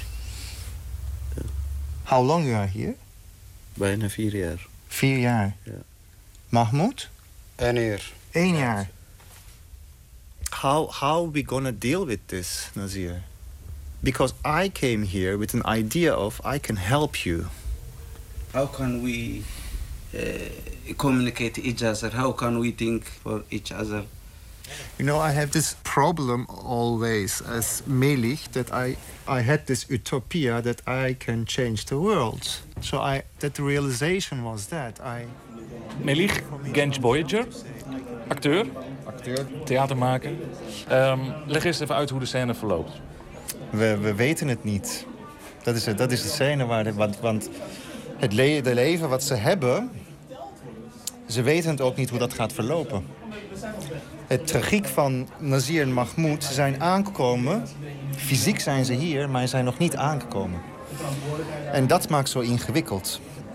Maar, waar begin je dan aan, aan een scène? Want het moet ergens een soort van vaste vorm krijgen. Ja, dat klopt. Ja, dat, dat adoptiemethodiek. Dus je, je gaat letterlijk in hun omgeving wonen. Hun rituelen meedoen. Hun, hun dagelijkse handelingen. Maar wat ik, wat ik altijd tegenaan heb gevochten... ze worden gezien als een collectief, vluchtelingen. Dus het is echt zo'n zo'n zwerm van mensen die over ons heen zijn gekomen of zo, snap je? En ik probeerde altijd, niet alleen maar Nazir Mahmoud... maar iedereen die, die daar was, die ik heb ontmoet... als individu te benaderen. Echt de, de waarde te geven van hun bestaan. Want dat is ook wat ze echt, echt, echt nodig hebben. Dat we dat gelijkwaardig een gesprek kunnen voeren... en gelijkwaardig kunnen zijn met z'n tweeën. Hoeveel van jouw eigen verhaal is er in de scène terechtgekomen? Veel. Dat boot in Turkije, dat is echt gebeurd. Misschien is het handig als je toch eventjes gewoon... Ehm, net toen ik één jaar, bijna een jaar geleden... Het was eigenlijk de nacht dat MH17 is eh, neergeschoten. En daar heb ik ook een collega verloren, Tim, die met Zina ook samen heeft gewerkt. En dan dezelfde ochtend, ik overdrijf het niet... dezelfde ochtend, terwijl dat ik op strand aan het lopen was... werd ik opgeroepen omdat ik Engels kon spreken... en ik moest vertalen aan een asielzoeker die net is aangespoeld. Eh, en daar lagen nog zes, vijf lichamen bij. Spreek jij Engels? Ik zeg ja. Hij begon te rennen. Ik ren achterna. Rennen, rennen, rennen, rennen, rennen, rennen, rennen, rennen, rennen, rennen, rennen, rennen, rennen. Ik stop. Probeer in me op te nemen wat hier aan de hand is. Zes lichamen. Ze drijven zachtjes door de golven. De lichamen zelf waren stilte. Ik, uh, ik, uh, ik, ik, ik begreep het niet. Ik, ik, ik, uh, snapte, ik snapte dat beeld helemaal niet. Maar een van die mannen was nog levend. Hij kreeg een paar slokjes water en ineens moest ik vertalen. Ik moest ineens vertalen, maar hoe vertaal je in zo'n situatie? Hoe kijk je naar iemand die net is aangespoeld? Moet ik, moet ik zachtjes kijken of, of moet ik juist heel afstandelijk doen... zoals de officiers om me heen? Ik, ik, ik, ik, kijk naar de grond, ik heb tijd nodig, maar die tijd heb ik niet. Ik, ik kijk terug naar hem. Ik zie zijn donkere huid. Zandkorrels tussen zijn wenkbrauwen en wimpers. Um, ik... Uh, durf hem net niet aan te raken, maar bleef zo dicht bij hem... zodat hij mijn lichaamswarmte kon voelen. Hij, uh, hij begon zachtjes te praten. Ik buig nog meer naar hem toe en draai mijn hoofd... zodat ik hem beter kan verstaan. Ik bleef met hem praten, zodat hij met mij bleef. Ik, ik, ik bleef met hem praten, zodat hij met mij bleef. Ik bleef met hem praten, zodat hij met mij bleef. Ik bleef... Zijn blik trok weg. Hij werd afgevoerd door een ambulance.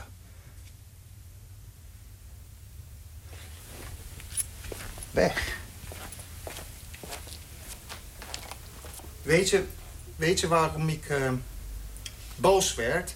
Misschien, misschien lezen we te veel en praten we te veel over het term vluchteling... en reageren we met z'n allen heel vluchtig.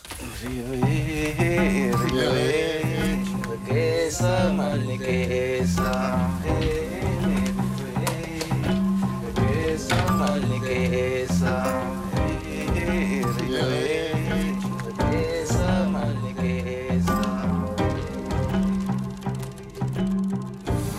komt een moment dat je tegen hun moet zeggen van luister, ik vind het uh, ontzettend interessant om, om met jullie op te trekken, om dit mee te maken. Ja. Maar ik ben hier omdat ik een theatervoorstelling wil maken.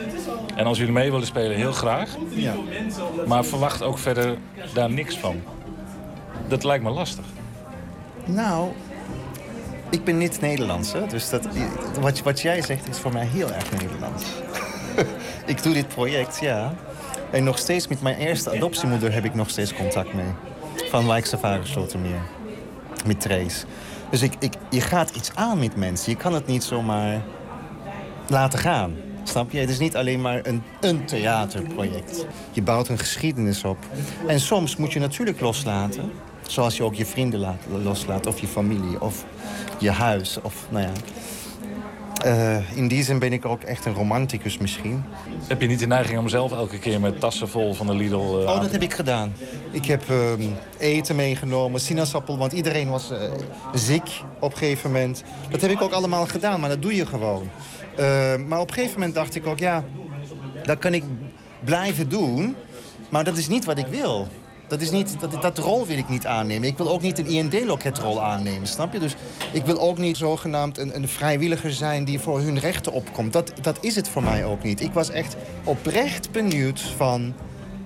hoe ga ik met ze ontmoeten en hoe gaan ze mij ontvangen? Hoe gaat ons levensverhalen bij elkaar komen? Ik hou heel veel van iedereen die ik goed ken. Maar ik blijf een doorlopende nieuwsgierigheid hebben naar mensen die ik niet ken.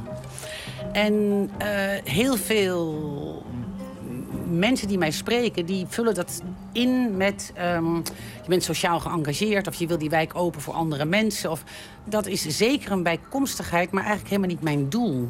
Mijn doel is, is dat ik heel erg ontroerd raak van dat wat ik niet ken, omdat ik het keihard in mijn gezicht terugkrijg. Eigenlijk op de beste manier. Hoe ik zelf in elkaar zit. Maar ook hoe ik oordeel. Hoe ik veroordeel. Hoe ik over, de, over dingen twijfel. Of waarom ik in sommige dingen geen vertrouwen heb in eerste instantie. Of. Weet je, dus ik, ik vind het een heel mooi gegeven om steeds met iemand in gesprek te raken en te denken: Oh, natuurlijk. Adelheid Roos in gesprek met verslaggever Jan-Paul de Bond over de voorstelling Wijksafari Belmer. Toch te zien tot en met 26 juni. Uit Zweden de zangeres Sarah McDougall, onlangs verschenen nieuwe plaat. Grand Canyon, daarop vonden wij I Want to See the Light Lost from Your Eyes.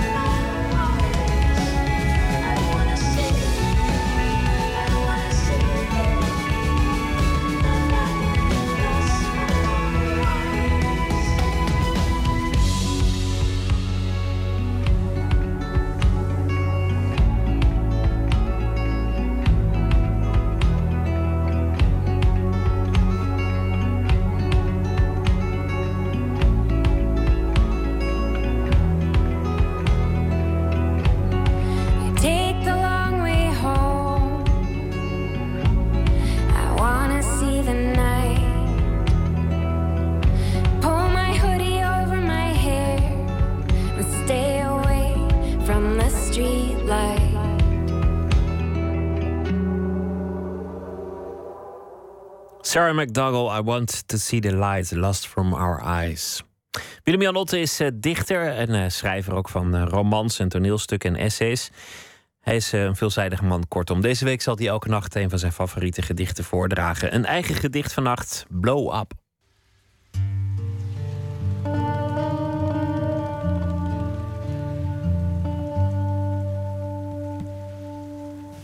Dit gedicht van mijzelf legt zichzelf volledig uit, zonder iets te verklaren. Er komt een hond in voor, die heet Vidok. Het is het beste als je niet achter, niets achter die naam zoekt. De titel is Blow Up, naar de film van Antonioni. Blow Up. Ik kom hem elke ochtend tegen, in de lage zon, om twintig over zeven, bij het uitlaten van de hond.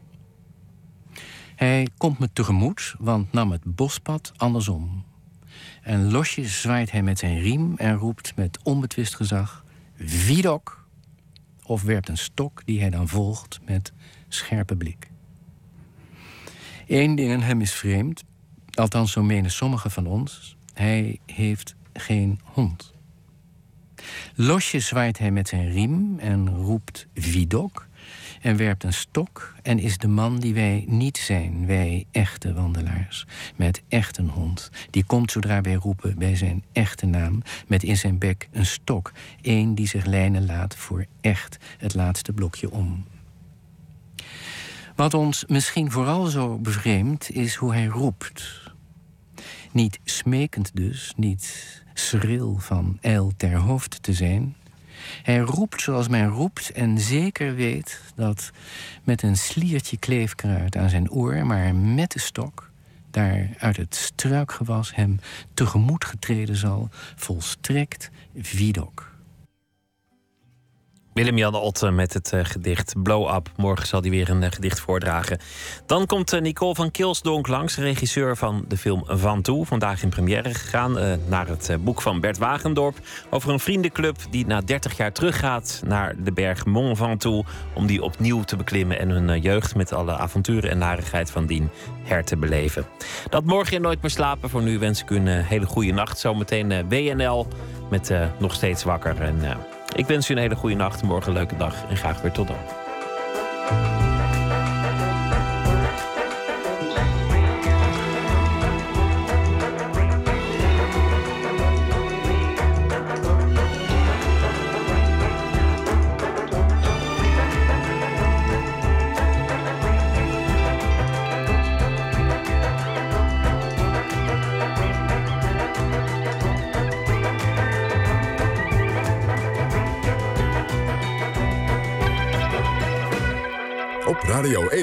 Het nieuws van alle kanten.